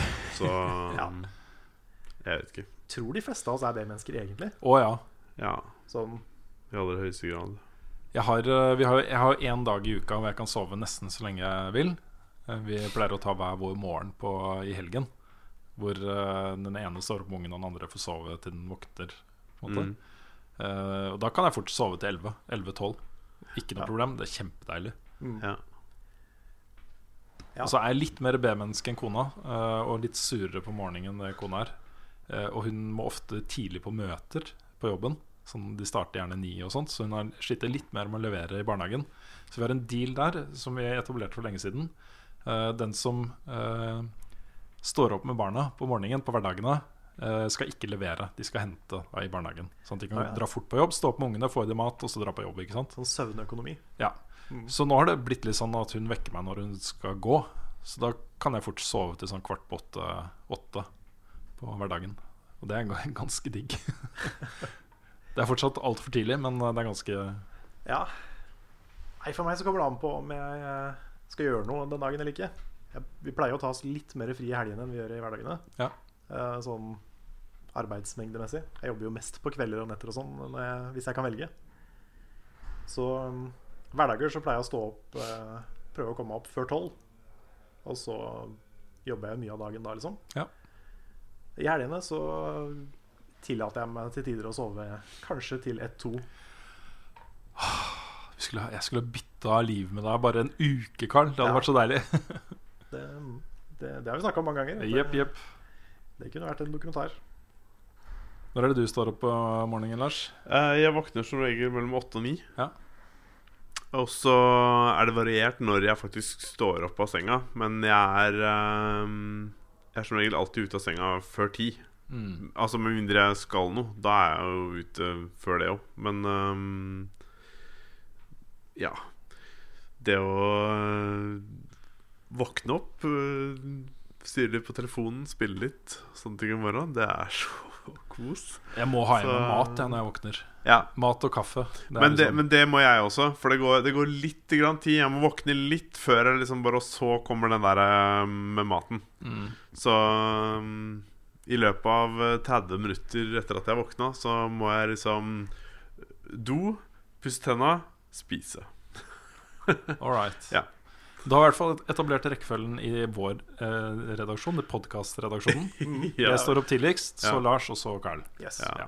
Altså Jeg kunne sikkert stått opp tidlig, men jeg har ingen grunn til å stå opp klokka seks. Altså Jeg har ikke barn som står og hyler eller som skal noen ting, så det, det Ja, det er ikke noe poeng for meg, på en måte. Jeg har et uh, spørsmål her fra Kristoffer Hansen Leistad på Patreon Ja. Um, I dag, parentes når dere stilte spørsmålet, så med andre ord i går, slapp akkurat det norske spillet My Child Lebensborn ut på Kickstarter. Uh, hva er deres tanker rundt å dekke dette?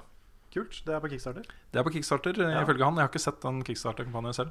Nei, ikke jeg vel Dette er jo Sarepta Studio i Hamar uh, som står bak. Uh, og det er jo et, et dialogbasert adventure-spill som tar for seg tyskerbarnas skjebne i Norge. Så det er utrolig eh, interessant tema eh, i et spill. Ja, veldig. Det var jo de barna som ingen ville ha noe med å gjøre etter krigen. ikke sant? Ja, ja, det, det var helt forferdelig. Det er helt forferdelig situasjon de havna i. Mm. Både da eh, mødrene deres, men eh, så ble det da også overført på de uskyldige barna. Ikke sant? Mm. Så, og flere av de forteller jo historier om, om stigmaer som har vart livet ut. Ja. Ikke sant? Eh, hvor de da er kanskje et lite lokalsamfunn. eh, og eh, fra den dagen de ble f født, til den dagen de er liksom klare for grava og sånt, har vært tyske barn, liksom. Mm. Som, som folk har mislikt og hata og mobba og erta. Og, Ja, ja det, det ble kalt liksom tyskerbarnet og tyskertøsen, ikke sant? ja, stemmer. Mm. Tyskertøs, det er vel Var ikke det Det er mødrene deres. Ja. Ja, men var ikke det også Hva er det de ble kalt, da? De norske, norske kvinnene, eller kvinnene som på en måte enten ble kjæreste eller var sammen med tyske soldater. Jeg kjenner ikke det så godt, men jeg Nei, mener å huske ja. det var tyskertøs. ja, det ble kalt tysker. Jeg husker jeg har hørt Ja. en del historier i forhold til oldefaren min. Mm. Fordi han levde jo på den tida. Og eh, nå skal ikke jeg bli sånn der eh, stolt fortelle om familien, men eh, han var visstnok en veldig sånn Veldig forkjemper for at man ikke skulle være ferdig mot tyskertøsen. Da. Mm. Det, da ble jeg litt stolt når jeg hørte det. Ja, det er, en, det er en bra ting. Det er en veldig, ja, veldig kul ting at, eh, at han var der. Er fordi eh, jeg forstår jo Jeg forstår jo, jeg forstår jo mekanikkene som ligger bak, selvfølgelig. Eh, og Nazi-Tyskland er jo en Altså evil man, som, som konsept og som helhet. Mm. Alt det som ble gjort med bakgrunn i nazismen. Eh, al også eh, krig og elendighet og tortur og massedrap og alt det der, liksom. Mm. er jo forferdelig. Ja, det er jo mørk, kanskje det mørkeste kapittelet i moderne historie. Absolutt. Ja, I hvert fall eh, i den skalaen. Inge, Mm. altså, det fins tilsvarende historier som er minst like ille, som som Ja da, pågår en dag i dag. altså, Ja, i verdens I verdenssammenheng. Ja, ikke sant? Mm. Skal bare jeg, Ja, sorry. Snakk ferdig, du. Så øhm, øhm, men, øh, men det, i praksis så var jo f.eks. de tyske soldatene som ble øh, plassert i Norge øh, Det var ikke gitt at de var beinharde nazister som øh, brant for ideologien til Hitler, liksom. Eh, unge, vanlige gutter, mange av dem, ikke sant? Um, Og så var det jo mange av de damene som ble utsatt for en del grove overgrep og sånn også. Ja. Eh, Det ble det ikke tatt så mye hensyn til. niks. Det er, det er mye ille, det der. Det er mye, mye mørkt. Ja, veldig, veldig mye mørkt. Men jeg, jeg syns det er innmari tøft av Sarepta å ta, å ta den. Mm. Uh, og jeg, håper liksom at litt den derre ehm, Behovet for å fortelle viktige historier er noe som kan de være med å definere norsk spillindustri litt. da uh, At ikke, uh, ikke det bare blir sånn 'hvordan skal vi tjene mest mulig penger', og sånt men at de brenner litt for å fortelle gode, interessante og viktige historier. Så Ja. jeg har veldig respekt for det. Jeg har veldig sansen for det. Ja, same. Jeg googla det, og Tyskertrøs er, eh, som jeg sa, det er da de norske og de danske kvinnene som hadde kjærlighetsforhold til tyske soldater. Nettopp. Ehm, og de som inngikk ekteskap med tyskerne, de mista statsborgerskapet sitt i Norge, altså. Mm. Så mm. Det er liksom det er, det er ikke vanskelig å forstå det der hatet og det, den, den der forferdelsen som folk sikkert går og føler på etter en, eller under en krig. da Mm. Mm. Det er jo eh, å ha en fiende som Nazi-Tyskland. liksom. Det er ikke rart at folk eh, Ja. Vi var jo okkupert. Altså, Ja. vi, vi eh, ble jo fratatt landet vårt. Og bare det, liksom. Det å ha en fremmed eh, nasjon stå på norsk jord og bestemme, Mm. og innta liksom eh, myndighetsposisjoner og alt mulig rart, liksom. Det er eh, Det gjør jo veldig mye med den nasjonale psyken, ikke sant? ja. Det er vanskelig å forestille seg hvor ille det var for eh, folk. Mm. Selv om man ikke ble torturert personlig, eller ikke nødvendigvis kjente noen som hadde blitt arrestert eller sendt til Dachau eller et eller annet. Liksom. Mm. Bare den følelsen Dette er ikke landet vårt lenger. Nei, nei. Den derre undertrykkelsen fra en sånn ondskap. Liksom. Ja. Det, Men det er bare Altså, mm, jeg har uh, hatt både min bestemor og Nå har jeg bare bestemor igjen, men bestemor har jo da opplevd krigen. Og når, du har snak, når jeg har snakka med uh, henne eller andre uh, som har opplevd krigen, så forteller de om ting som er helt umulig for meg å sette meg inn i. Ja, det er helt umulig for oss å faktisk eh, forstå Ja, greia. det er, det, det er faktisk det er, det er så fjernt at det Og jeg Jeg merker det på måten når hun har snakket om ting, eller sånne ting, at det er bare sånn Ja, jeg, jeg, jeg hører hva du sier, men jeg skjønner ikke hvordan det er. Ikke sant? Men du klarer Du har jo altså en viss empati og forståelse og sånn, men det, med det å faktisk kjenne det på kroppen er veldig vanskelig. Eh, faren min sin familie er jo fra Finnmark. Mm. Uh, Bjørnevatn, rett utafor Kirkenes. Mm.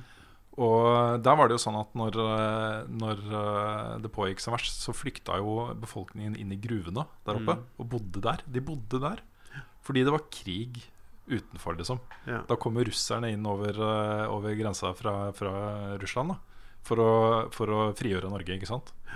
Um, det, tenk deg for en situasjon å være i. Mm. Helt utrolig, altså. Ja.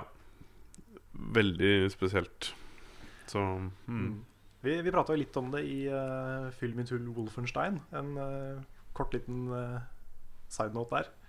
Om at i hvert fall jeg da, er veldig forkjemper for at spill skal ta opp mer den type Mm. ting. Uh, de sidene av krig. Um, om det så er liksom hvordan disse forferdelige tingene oppstår. Eh, hva som gjør at det i det hele tatt er mulig at sånt kan skje. eh, hvorfor det er farlig. Hvorfor det liksom kanskje kan skje igjen i historien Mm. hvis man ikke er forsiktig. Ja. Um, og sånne ting som This War of Mine, som viser Mm. krig fra et helt annet perspektiv Mm. enn soldater. da Mm. Mm. Det er så mye verdi i det. Altså. Jeg, håper, jeg håper spill tar mer den oppgaven. Og så er jo eh, akkurat når det gjelder My Child eh, Lebensborn også, eh, som konsept, så handler jo dette om barn. Mm. Som jo er uskyldige. ikke sant? Uansett hva foreldrene deres har gjort, og hvem de har vært, så er de uskyldige. Altså De har ikke noen kontroll over deres opphav i det hele tatt. De har ikke valgt det livet selv. Uh, de er uskyldige. Mm. Og den behandlinga uh, som de fikk, da, uh, det opprører meg. Altså det, Mm. det er ordentlig ubehagelig å tenke på. Det er det. Ja. Skal vi ta et litt eh, hyggeligere spørsmål? Ja, det kan jeg gjøre. Jeg har et eh, Ja, altså. Ok. Ehm, det er fra Sindre Brodal. Han sier Hvor viktig er det med snacks når dere skal se en film eller spille et spill? Noe mat eller drikke som er must have når dere skal slappe av? Jeg føler det er ganske viktig. Ja, spi spille kan jeg gjøre uansett. Men Ja. film, Film, ja. da må jeg ha noe godis. Ikke sant?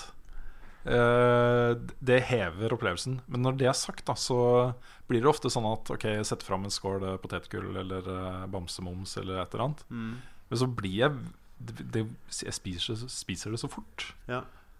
Egentlig, Jeg vet ikke, det blir nesten litt sånn Jeg må bli ferdig med dette, sånn at jeg kan fokusere på filmen. Ja. Men jeg vil gjerne ha den skåla der allikevel. ja.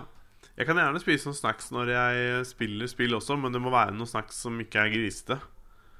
For ellers må du gå og vaske hendene hele tiden. For jeg orker ikke sitte med feite fingre og spille med kontrollen, liksom. Det er Ja, det tenker jeg mye på også.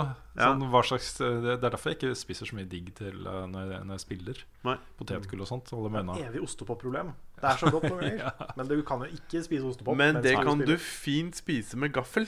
Jeg klarer ikke å spise ostepop. Jeg klarer det, Det kan vet du hva, det går ikke. spise med gaffel. Det går ikke. Jo, det er den eneste måten man kan spise ostepop på. Det lukter så av det der Altså Altså, Se for deg du har spist ostepop, og så kommer kjæresten hjem, og så skal du liksom kose litt, så bare sånn herre Hva er det du har gjort? Ja, Mm. jeg, jeg, hiver ikke, jeg hiver ikke i meg en hel ostepop før Kristine. Nei, det var bare Det var bare Det er ostepop. Bare så, ja, bare sånn, ja, sånn. særlig. Altså, bare lukter, den lukten fra henda og sånn Nei, det må spises med gaffel. Ja, ja, akkurat det passer jeg litt på hvis jeg spiser ostepop, Fordi det lukter vondt ganske lenge. Ja. Du kan liksom risikere å stinke ostepop dagen etter hvis du har spist masse ostepop. Ja. Så det er, det er verdt å være litt bevisst på. Mm. På den annen side så kan du gjøre masse skitne ting, og så kan du bare si til folk at du har spist ostepop. Ja, det kan du gjøre. Hvis du spiser ostepop Oi, etterpå. oi, oi. Ja, Du trenger ikke gjøre det engang. Du kan bare si du har gjort det. Ja. Ja, sånn, ja. Mm. Mm. Også sånt. Skal vi- Skal vi gå over til et enda et litt sånn tungt spørsmål? Det er fra Ja, det er ikke så lenge siden sist, så kjør på. Ja, vi kjører på. Ja. Tommy Isaksen spør Har dere opplevd å bli utsatt for hets online. Tenker da på nedsettende kommentarer enten i chatten eller over spillets stemmekommunikasjon. Hvordan reagerer dere vanligvis på dette? Har det vært tilfeller hvor dere har latt det koke over og svart med samme mynt, eller blokkerer dere vedkommende? Det har skjedd. Ja. Absolutt. Eh, jeg eh, er ganske flink til å se stort på det. Eh, ofte så er det bare litt morsomt. Når folk blir så opphissa over eh, enten at jeg har gjort noe dumt, da, eller at, at jeg har bare vært bedre enn dem. Eh, Snakker du om generell banter, liksom? Nei, nå snakker jeg om når eh, etter en match eh, av et eller annet Ja. Å få en melding bare sånn uh, Stopp å spille din uh, et eller annet noob, men Mm. med mye sterkere ord, da. Mm. Um, så er det sånn jeg, jeg, en, Det er en del av meg som har lyst til å bare starte en, en diskusjon, liksom. Eller å svare. Mm. Gjerne prøve å hisse det opp enda litt mer. Men jeg bare ignorerer det. Ja. Kanskje jeg tar et screenshot og poster det et eller annet sted. Ja, det går an. Ja. Jeg har egentlig, jeg vet ikke, Det er ikke et bevisst valg, men jeg spiller generelt veldig lite med voice med randoms. Hvis jeg, har, hvis jeg er på Skype eller bruker noe voice-program, så er det som regel med venner. Ja, helt enig. Jeg spiller aldri Voice med folk jeg ikke kjenner. For det, da hadde jeg tror jeg, jeg hadde bare blitt oppgitt. ja. Jeg hadde ikke orka å sitte med det hvis det hadde begynt sånn. Så jeg prater generelt veldig lite med fremmede folk på nettet. Sånn over gaming. Mm. Ja. Skal jeg komme med min, eh, min mørke veldig trist Jeg kan, jeg, kan historie, da? Eller? jeg kan følge opp med noe litt mørkt etterpå hvis du ikke vil være der. Ja, altså, det er ikke så ille. Altså, Jeg har ikke noe problem med det nå lenger. Uh, men jeg opplevde en god del før, særlig før jeg var ute av skapet i forhold til å være på YouTube og sånne ting. uh, så fikk jeg mye dritt slengt til meg av folk som, ble, som visste hvem jeg var, litt innen YouTube. Eh, ryktene gikk om at jeg var homofil osv. osv. Da fikk jeg mye dritt eh, slengt mot meg på tekst og eh, voice innimellom. Og folk syntes det var kjempegøy å komme og skulle si et eller annet. Og jeg tok det ganske heavy i starten. Og så har det snudd fullstendig. Og de gangene jeg får sånne ting nå, så er det jo Det er veldig sjelden nå, da. Um, det er vel sånn én i året, kanskje. Da, da er det ikke noe Jeg bryr meg ikke lenger. Men det var eh, Det var en periode hvor det var veldig sånn Det, det var mye av det, rett og slett. Det er selvfølgelig helt uh, ille. Jeg har jo vært i samme situasjon. Mm. Uh, fordi uh, Ikke pga. legningen min, men uh, pga. Uh, jobben min. Ja, ikke sant? Men pga. jobben min, hvor jeg sitter øh, som, øh, som spilljournalist i VG Mm. og mener ting om spill, og folk er uenige. Og jeg har Ja. fått drapstrusler og masse kjipe meldinger hel, også i mange, mange år. Ja. øh, helt fra starten av. Ja. Og da var det også sånn i starten så gikk det inn på meg. I starten så syntes jeg det var ubehagelig å åpne mailboksen min og så se en hatmelding, liksom. eh, om hvor forferdelig jeg var og, og, og sånt. Mm. Men det gikk over. Altså, det ble et sånn filter. Fordi samtidig så kommer det, kom det jo mange hyggelige meldinger også, liksom. Og så, Ja. så blir det liksom okay, Hva skal man bruke energi på å fokusere på her? Mm. Skal man uh, henge seg opp i all dritten, eller skal man liksom Ja, det er akkurat det. Og for Ja. min del så snudde det veldig etter at jeg på en måte lagde en video om det på YouTube. At det liksom bare Ja, jeg er homo. Altså, var det noe mer, på en Mm. måte? Og da, da snudde det jo veldig. Og da, selv om det var sånn, da gikk jeg i hi i to-tre dager. Jeg turte ikke å se på kommentarfeltet eller noen ting da jeg la ut den videoen. Og jeg bare bestemte meg for å gjøre det. Og det, det å komme tilbake til det var eh, Det var jo uh, subfest uten like, da. For å si det sånn. Nei, men Det er veldig hyggelig, altså. Det er folk eh, Jeg veit ikke, jeg. Det er så lett å ta til, liksom, til, til dritt, ikke sant? Det er så Mm. lett å gjøre når du kan gjemme deg bak ting. Mm. Og det Jeg vet ikke hvorfor folk har behov for å gjøre det. Kanskje for å føle seg bedre selv. Men det Ja. ja, jeg, jeg hadde egentlig tenkt å si noe litt à la det Rune sa, med, Ja. at, med i forhold til jobben. Fordi vi har jo generelt stort sett nesten bare en veldig hyggelig community. mm, Det er jo Level Up Community er jo det hyggeligste stedet jeg liksom kan lese kommentarer. mm. Fordi folk er så konstruktive og de er så flinke til å uttrykke seg. Og det er så mye bra, da. Ja, og er, vi får jo mye kritikk også. Ja, det gjør vi. Men det er nesten alltid konstruktivt. Altså Gode tilbakemeldinger. Ting vi kan eh, drodle litt over og tenke litt gjennom og uh, se om kanskje det kan gjøre oss bedre. Mm. Men det var én gang Uh, Det har vært flere ganger, men det var spesielt én gang da jeg var ganske ny. Så var det én fyr som skrev massevis av lange, lange meldinger om alt som var feil med meg. Mm, og det husker jeg. Og det var sånn Det var detaljert, liksom. Ja. Han gikk inn på så mange ting. Og da var jeg såpass ny, selv om jeg hadde vært på YouTube i noen år, og sånn, at eh, det, det sleit jeg litt med. Mm. Det var, eh, det var kjipt, liksom. Det var eh, Det var ikke noe koselig.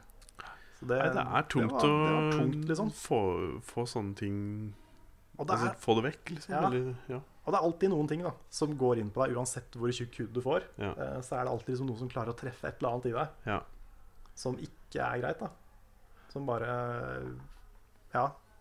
Kan ødelegge dagen din uansett, liksom. Mm. Og jeg tror, altså kanskje noen, men jeg tror ikke, jeg tror ikke veldig mange har så tjukk hud at ikke noen ting går inn på dem. Mm. Og eh, ja, det kan, det kan være ganske tungt. Hvis, ja, hvis det skjer. Hvis det er feil person til feil tid og feil, eh, Mm. feil. Jeg hadde en sånn eh, utrolig kjip opplevelse der eh, et par år etter at jeg start, begynte i VG. Så var jeg på et, eh, et spillevent, eh, og da var det en, eh, eh, en annen da, i, i Spill-Norge som, eh, som jeg ble litt kjent med på den turen. Og han fortalte meg at, eh, at eh, Jeg husker ikke akkurat hva han sa, hvilke ord han brukte, men budskapet hans var at uh, ikke var noe spesielt godt likt da i uh, norsk spillpress, og folk uh, syns ikke noe særlig om meg, liksom. Ok. Og det, det sleit jeg med, altså. Det var sånn ordentlig For, jeg, for det første skjønte jeg ikke helt hvorfor, for jeg kjente jo ingen. uh, for det andre så, så ble det jo veldig sånn derre OK eh, Hvorfor sa han det, liksom? altså, det ble en sånn ting som jeg ble litt eh, vel opphengt i over en eh, ganske lang periode. Men det også var en sånn ting som jeg tenkte Som fikk meg til å innse jeg, kan ikke, jeg kan ikke bruke energi med på å bry meg om, om det, liksom. Det er, det er ikke Det har null verdi, da. Mm. Hva skal jeg, hva skal jeg, hvordan skal jeg svare på det, da? Nei, men jeg er jo egentlig ganske hyggelig. Ja, og det blir så hemmende fordi du sitter der og liksom tenker over det. Ja, Du kunne kanskje brukt den tida på å gjøre noe kult. Ikke sant? Ikke sant? Kult, og så bare sitter du der og bare føler deg helt sånn hemma av mm. at Du tenker at du er jo ikke verdt noe, liksom. Nei. At eh, Hvorfor skal jeg lage noe da? Mm. Det blir sånn der Ja. Det, Mm. er så Det skader så mye, altså. Ja. Men det er, det er veldig sjelden jeg opplever det nå. Ja da, samme her. Det er liksom stort sett veldig konstruktivt. Ofte Mm. veldig hyggelig. Ja. Så Mm. Ja, communityet vårt er kjempebra. Det er det. Jeg har et spørsmål fra um, Nina N. Gjøvik. Ja, jeg fant den akkurat nå, jeg òg. ja, ok. Fordi den, den syns jeg er litt sånn um, det, det er ting jeg tenker på sjøl innimellom. Uh, I serien Film i tull Bloodborne snakker dere ofte om en MPC. Hva er det? Så lurer jeg også på hva som er typisk for et RPG-spill, og hva som er forskjellen på RPG, JRPG og roguelike. Og hun mener jo selvfølgelig en NPC, som er non-playable character. Men det er ofte at det, det vi bruker ord som vi tenker at Mm. det tar for gitt at alle skjønner hva er. Ja, spesielt i liksom podcaster og den type settinger. da Ja. Sånn som Film i tull, så snakker vi jo veldig fra levra. Mm. Og da er det fort gjort. Men det er, det er et poeng at vi kanskje burde gjort det mindre. Det er da en karakter som på en måte som, som er en figur i spillet som ikke du kan spille som, men som bare Ja. Ja, altså Det brukes jo på alle Alle spiller, altså rollefigurer i spilluniverset som, eh, som er der, men som ingen, som ingen styrer. Ikke sant?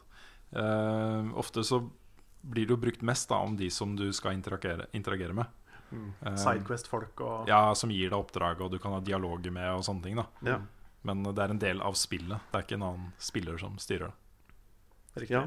Og hva som er forskjellen på RPG, JRPG og roguelike, den, det er ikke bare lett å svare på det. Nei, Fordi alle er RPG. Alle er rollespill, hvis du skal bruke det norske Altså alle er rollespill. Ja, ro- roguelike kan jo kanskje være plattform og mye forskjellig. Jeg kan det det? Men roguelike handler ikke det om at karakteren dør, og så får du en ny karakter? jo, roguelike det er er, vel, det? det er vel litt det der at du begynner fra starten. Du kan også ha RPG-elementer som at du okay. leveler opp og sånn. Sånn som i Rogue okay. Legacy. Ja, Så blir du jo bedre. riktig. Men det er en, det er en sånn der du går tilbake til start. Er i hvert fall min tolkning av rollback. Mm. Men RPG versus JRPG, har det noe med kampsystemet å gjøre? Det er litt sånn designfilosofi, tror jeg. Fordi du kan jo Det er jo um, Festival of Magic. Ja, Det blir jo kalt et norsk JRPG. Okay. Og det gir jo ikke noe mening, fordi det er jo I-en står jo for japansk. Ja, ja. Så det er et norsk-japansk rollespill. Mm. Men det handler om eh, Det kan være kampsystemet, det kan være måten det er designa på. Vestlig rollespill har hatt en helt annen stil. Ja da. Helt annen fokus. Du har liksom The Witcher, Mass Effect, Mm. den type ting. Ja, jeg tenkte om det var turn-based eh, kampsystem. Nei, Eller det- er det det- ikke det? Det var det. Var, Det var det. vel- Altså, eh, lenge så var jo alle rollespill turn-based. Ja. I hvert fall de fleste. Ja. Så da var det bare en del av sjangeren. Mm. JRPG ble introdusert uh, da japanske rollespill begynte å få fotfeste i Vesten også, Mm. eh, og ble populære utenfor. Fordi de hadde, som Carl sier, en del eh, stilmessige forskjeller. Og Det kunne gå på hvordan rollefigurene så ut, eh, hva slags type historie som ble fortalt, Mm. eh, hva slags type inventory-system det hadde, hva slags type kamper det var. Og så var mange elementer da, som var på en måte eh, like, men såpass forskjellige at Mm. de skilte seg ut. da okay. Så det var ikke sånn at en fan av uh, Elder Scrolls kunne bare hoppe rett på Final Fantasy, og så var det det samme type spillet. Uh, Nei, sant. det er litt det du ser nå også, uh, Mm. med Zelda versus også. Ja. Ja, Ja. jeg skjønner. Men det er en, det er en litt sånn rar sjangerfordeling, det der. Ja. Fordi For det første så er det rart å dele opp uh, sjangere i land på den måten. Eh, I tillegg så Hva er Dark Souls, da? Ja. Fordi det er lagd i Japan. Men det er jo ikke typisk JRPG på noe som helst måte. Absolutt ikke. Så ja. Det er noen rare sjangerfordelinger der. de er ikke helt perfekte, de. altså Nei, og så begynner man jo også å se uh, sjangere flyter over i hverandre. Du ser uh, rollespillelementer i plattformspill og mm. osv. Skytespill osv. Så, videre. så uh, Så det, akkurat sjangerbegrepene begynner å bli litt flytende. Ja. Men når jeg hører JRPG, så tenker jeg liksom på de store japanske rollespillseriene. Final Fantasy og Dragon Quest. Og, Mm. og så De har liksom litt sin egen stil. da Ja, Mm. så tenker jeg, på, jeg tenker på også sånne ting som Nino Kuni. Mm. Kingdom Hearts går under der. Ja. Og ja, masse, masse forskjellig, egentlig, Mm. som er der. Xenogears. Det Near Automata er ikke helt sikker på hva det er eh, nå. Ja, det er, det er nok det, men det også har jo et ganske unikt formspråk. Som Mm. også gjelder uh, Persona-serien. Ja. Som jo er et JRPG, men som skiller seg såpass mye ut at kanskje det bare du skal kalle det rollespill. Mm, Jeg vet ikke. Sant. Og så er det jo liksom eksempel Metal Gear er et actionspill som jeg føler da forteller historien til et slags JRPG. Ja da. Det er ikke så langt unna det, altså. Nei, Det er altså samme måte å fortelle en story på. Mm. Vi får eh, se da om du får uh, gravd deg dypere ned i hva Metal Gear faktisk er. Har en følelse av at det kommer til å skje. Ja, Før eller seinere må det jo skje. Mm. Du kan, jeg, du kan ikke gå rundt og ikke ha spilt et eh, Metal Gear-spill. Jeg skjønner, jeg skjønner det. altså Ja. jeg, har jo, jeg har jo spilt litt av eneren. Ja, Litt av eneren holder ikke, sånn. Nei, nei, det er ikke nok. Jeg vet det, jeg vet det. Men jeg, har, eh, jeg vet hva eneren handler om. Ja, Jeg tror kanskje jeg har sett alle cutscenesa i eneren, Okay. men eh, det husker jeg ikke. mm. Ja, Men et veldig bra spørsmål, Fordi eh, det er ikke, det er ikke lett å svare på. Nei. Nei. Har et eh, spørsmål her fra Fredrik. Eh, Kan dere fortelle litt mer om hvorfor dere har tenkt til å endre på logoen? Vi skal ikke si så veldig mye om det, men eh, Men det er dels fordi liksom det er sunt å fornye seg litt innimellom. Fornying er bra. Ja. Mm. Eh, og så er det dels fordi eh, den blir assosiert med en gruppe som vi ikke har lyst å assosiere oss med. Ja, det, er ikke en logo som ligner, Nei. men det er den samme fargen. Ja, og det er en pil, det også. Ja, Så eh, vi, har, vi har ikke fått voldsomt mange uh, meldinger fra folk. Vi har fått kanskje en håndfull, 10-20 uh, tilbakemeldinger på, på Har dere sett den logoen her? Um, men det er på en måte nok til at vi tenker ok, vi kan godt justere litt på den, osv. Men uh, Ja. vi uh, var jo så heldige å få med oss logoen fra VG uh, gratis. Uten å liksom betale noe for det, eller det, var, det fulgte med. Det har jo en verdi, så vi kommer ikke til å fjerne eh, selve formen. Vi kommer til å beholde den. Eh, men så kan man jo se for seg at den kanskje kan være litt 3D. Kanskje den kan være pikselert. Kanskje den kan være satt sammen av forskjellige Tetris-deler. mm. Kanskje den kan være Ja, Litt forskjellige farger, kanskje. ikke sant? Mm. Kanskje den har forskjellig farge basert på hva den skal signalisere. Er det podkasten, er det YouTube-video, er det Ikke sant? Ikke sant? Eh, kanskje du kan få tilleggssymboler. At det er noe mer rundt den pila som kan signalisere akkurat det. Hvis det er podkast, så kanskje det får en sånn radiobølger eh, over seg. Eller, altså, at vi ser mer på det på den måten. da Ja. Det er mer enn for å si det litt sånn corporate, at det er mer en evolusjon Ja. enn en eh, fullstendig redesign. Det er helt riktig. Mm. Og Sanson er nå også, bare flat, grønn, ikke noe rundt, den er, liksom, den er litt vanskelig å behandle.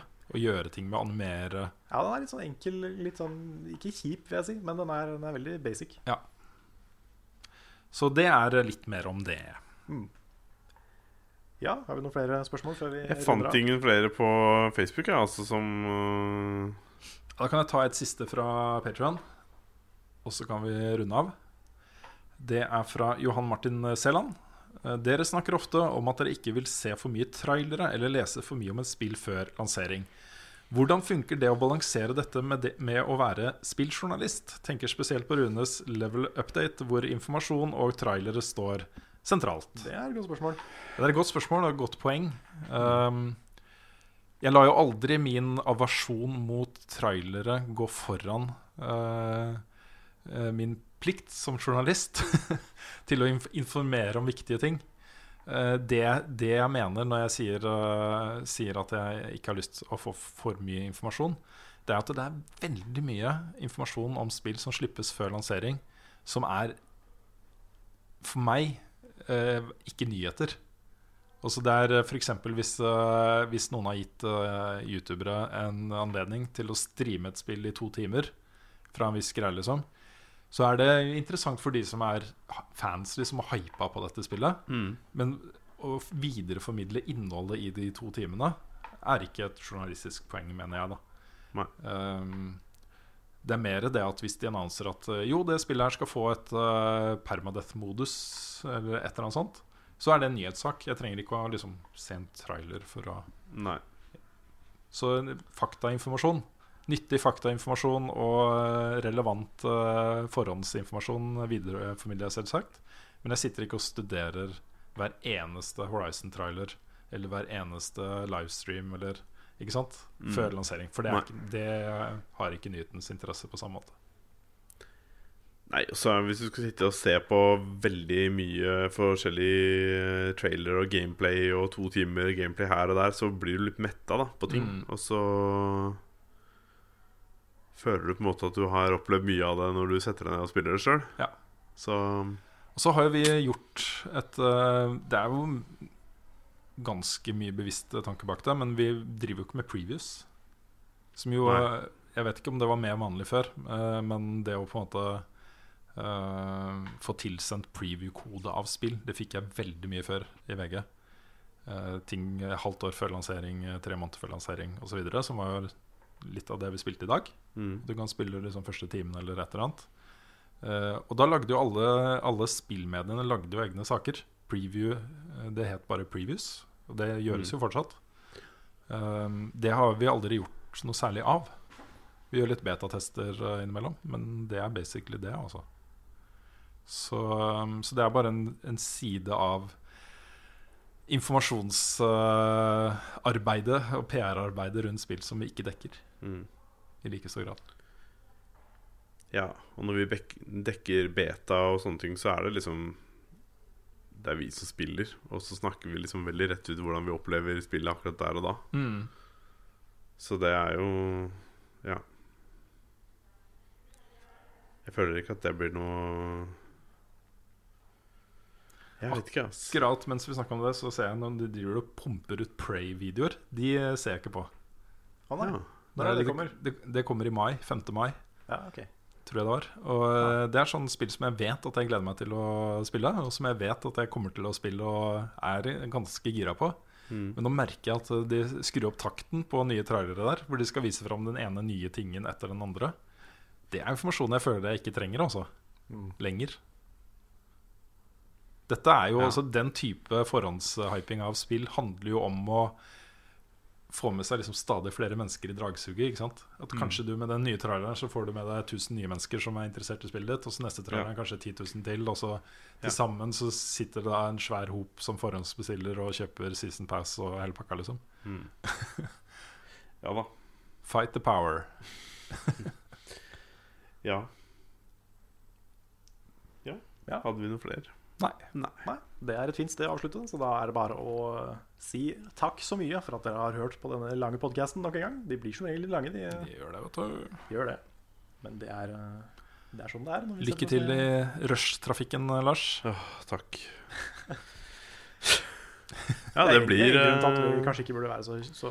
Ja, det er, det er det verste med å skulle dra hjem nå. For at det, det er sånn Ja, Kanskje du skulle bare tatt en vente en time, ettermiddags men, eh, eh, kinofilm eller noe sånt, og så Ja. i kveld? ja ja, kanskje det. Um, Se verden. Men jeg, jeg må liksom vente til etter sex for at det skal være liksom Mm. chill nok. Hmm. Så ja, vi får se. Ja, hvis du ser en film som begynner i firetiden, så Ja, Logan. Du kan gå og se Logan. Du kan se Logan på sånn eh, babykino. Mm. har du sett den? Ja. Den er bra. Du hadde sett den? Nei, jeg gleder meg som en Nei. unge til å se den. Ja. Du får ikke mulighet til å være med. Det blir kjedelig å gå på kino aleine. Jeg må ta med meg barn jeg nå. Ja, De skal komme hjem fra barnehagen snart. ja. Ja. Men Det ble litt sånn der etter podcast-prat i podcasten. ja. Men eh, takk til alle som, som har hørt på, og ikke minst takk til alle som backer oss på Patreon Vi er glad i dere, og dere redder eh, karrierelivet våre vå- Karrierelivene våre hver gang. Ja. Dere gjør det. De redder ikke livene våre. Karriere, karrierene. Ja, karrierene våre. Ja, dere lar oss gjøre dette her med livene våre. Mm. Var det jeg ville fram til. da. Ja. Men da kan vi avslutte med ukas spillsitat. Say something, you fake hedgehog.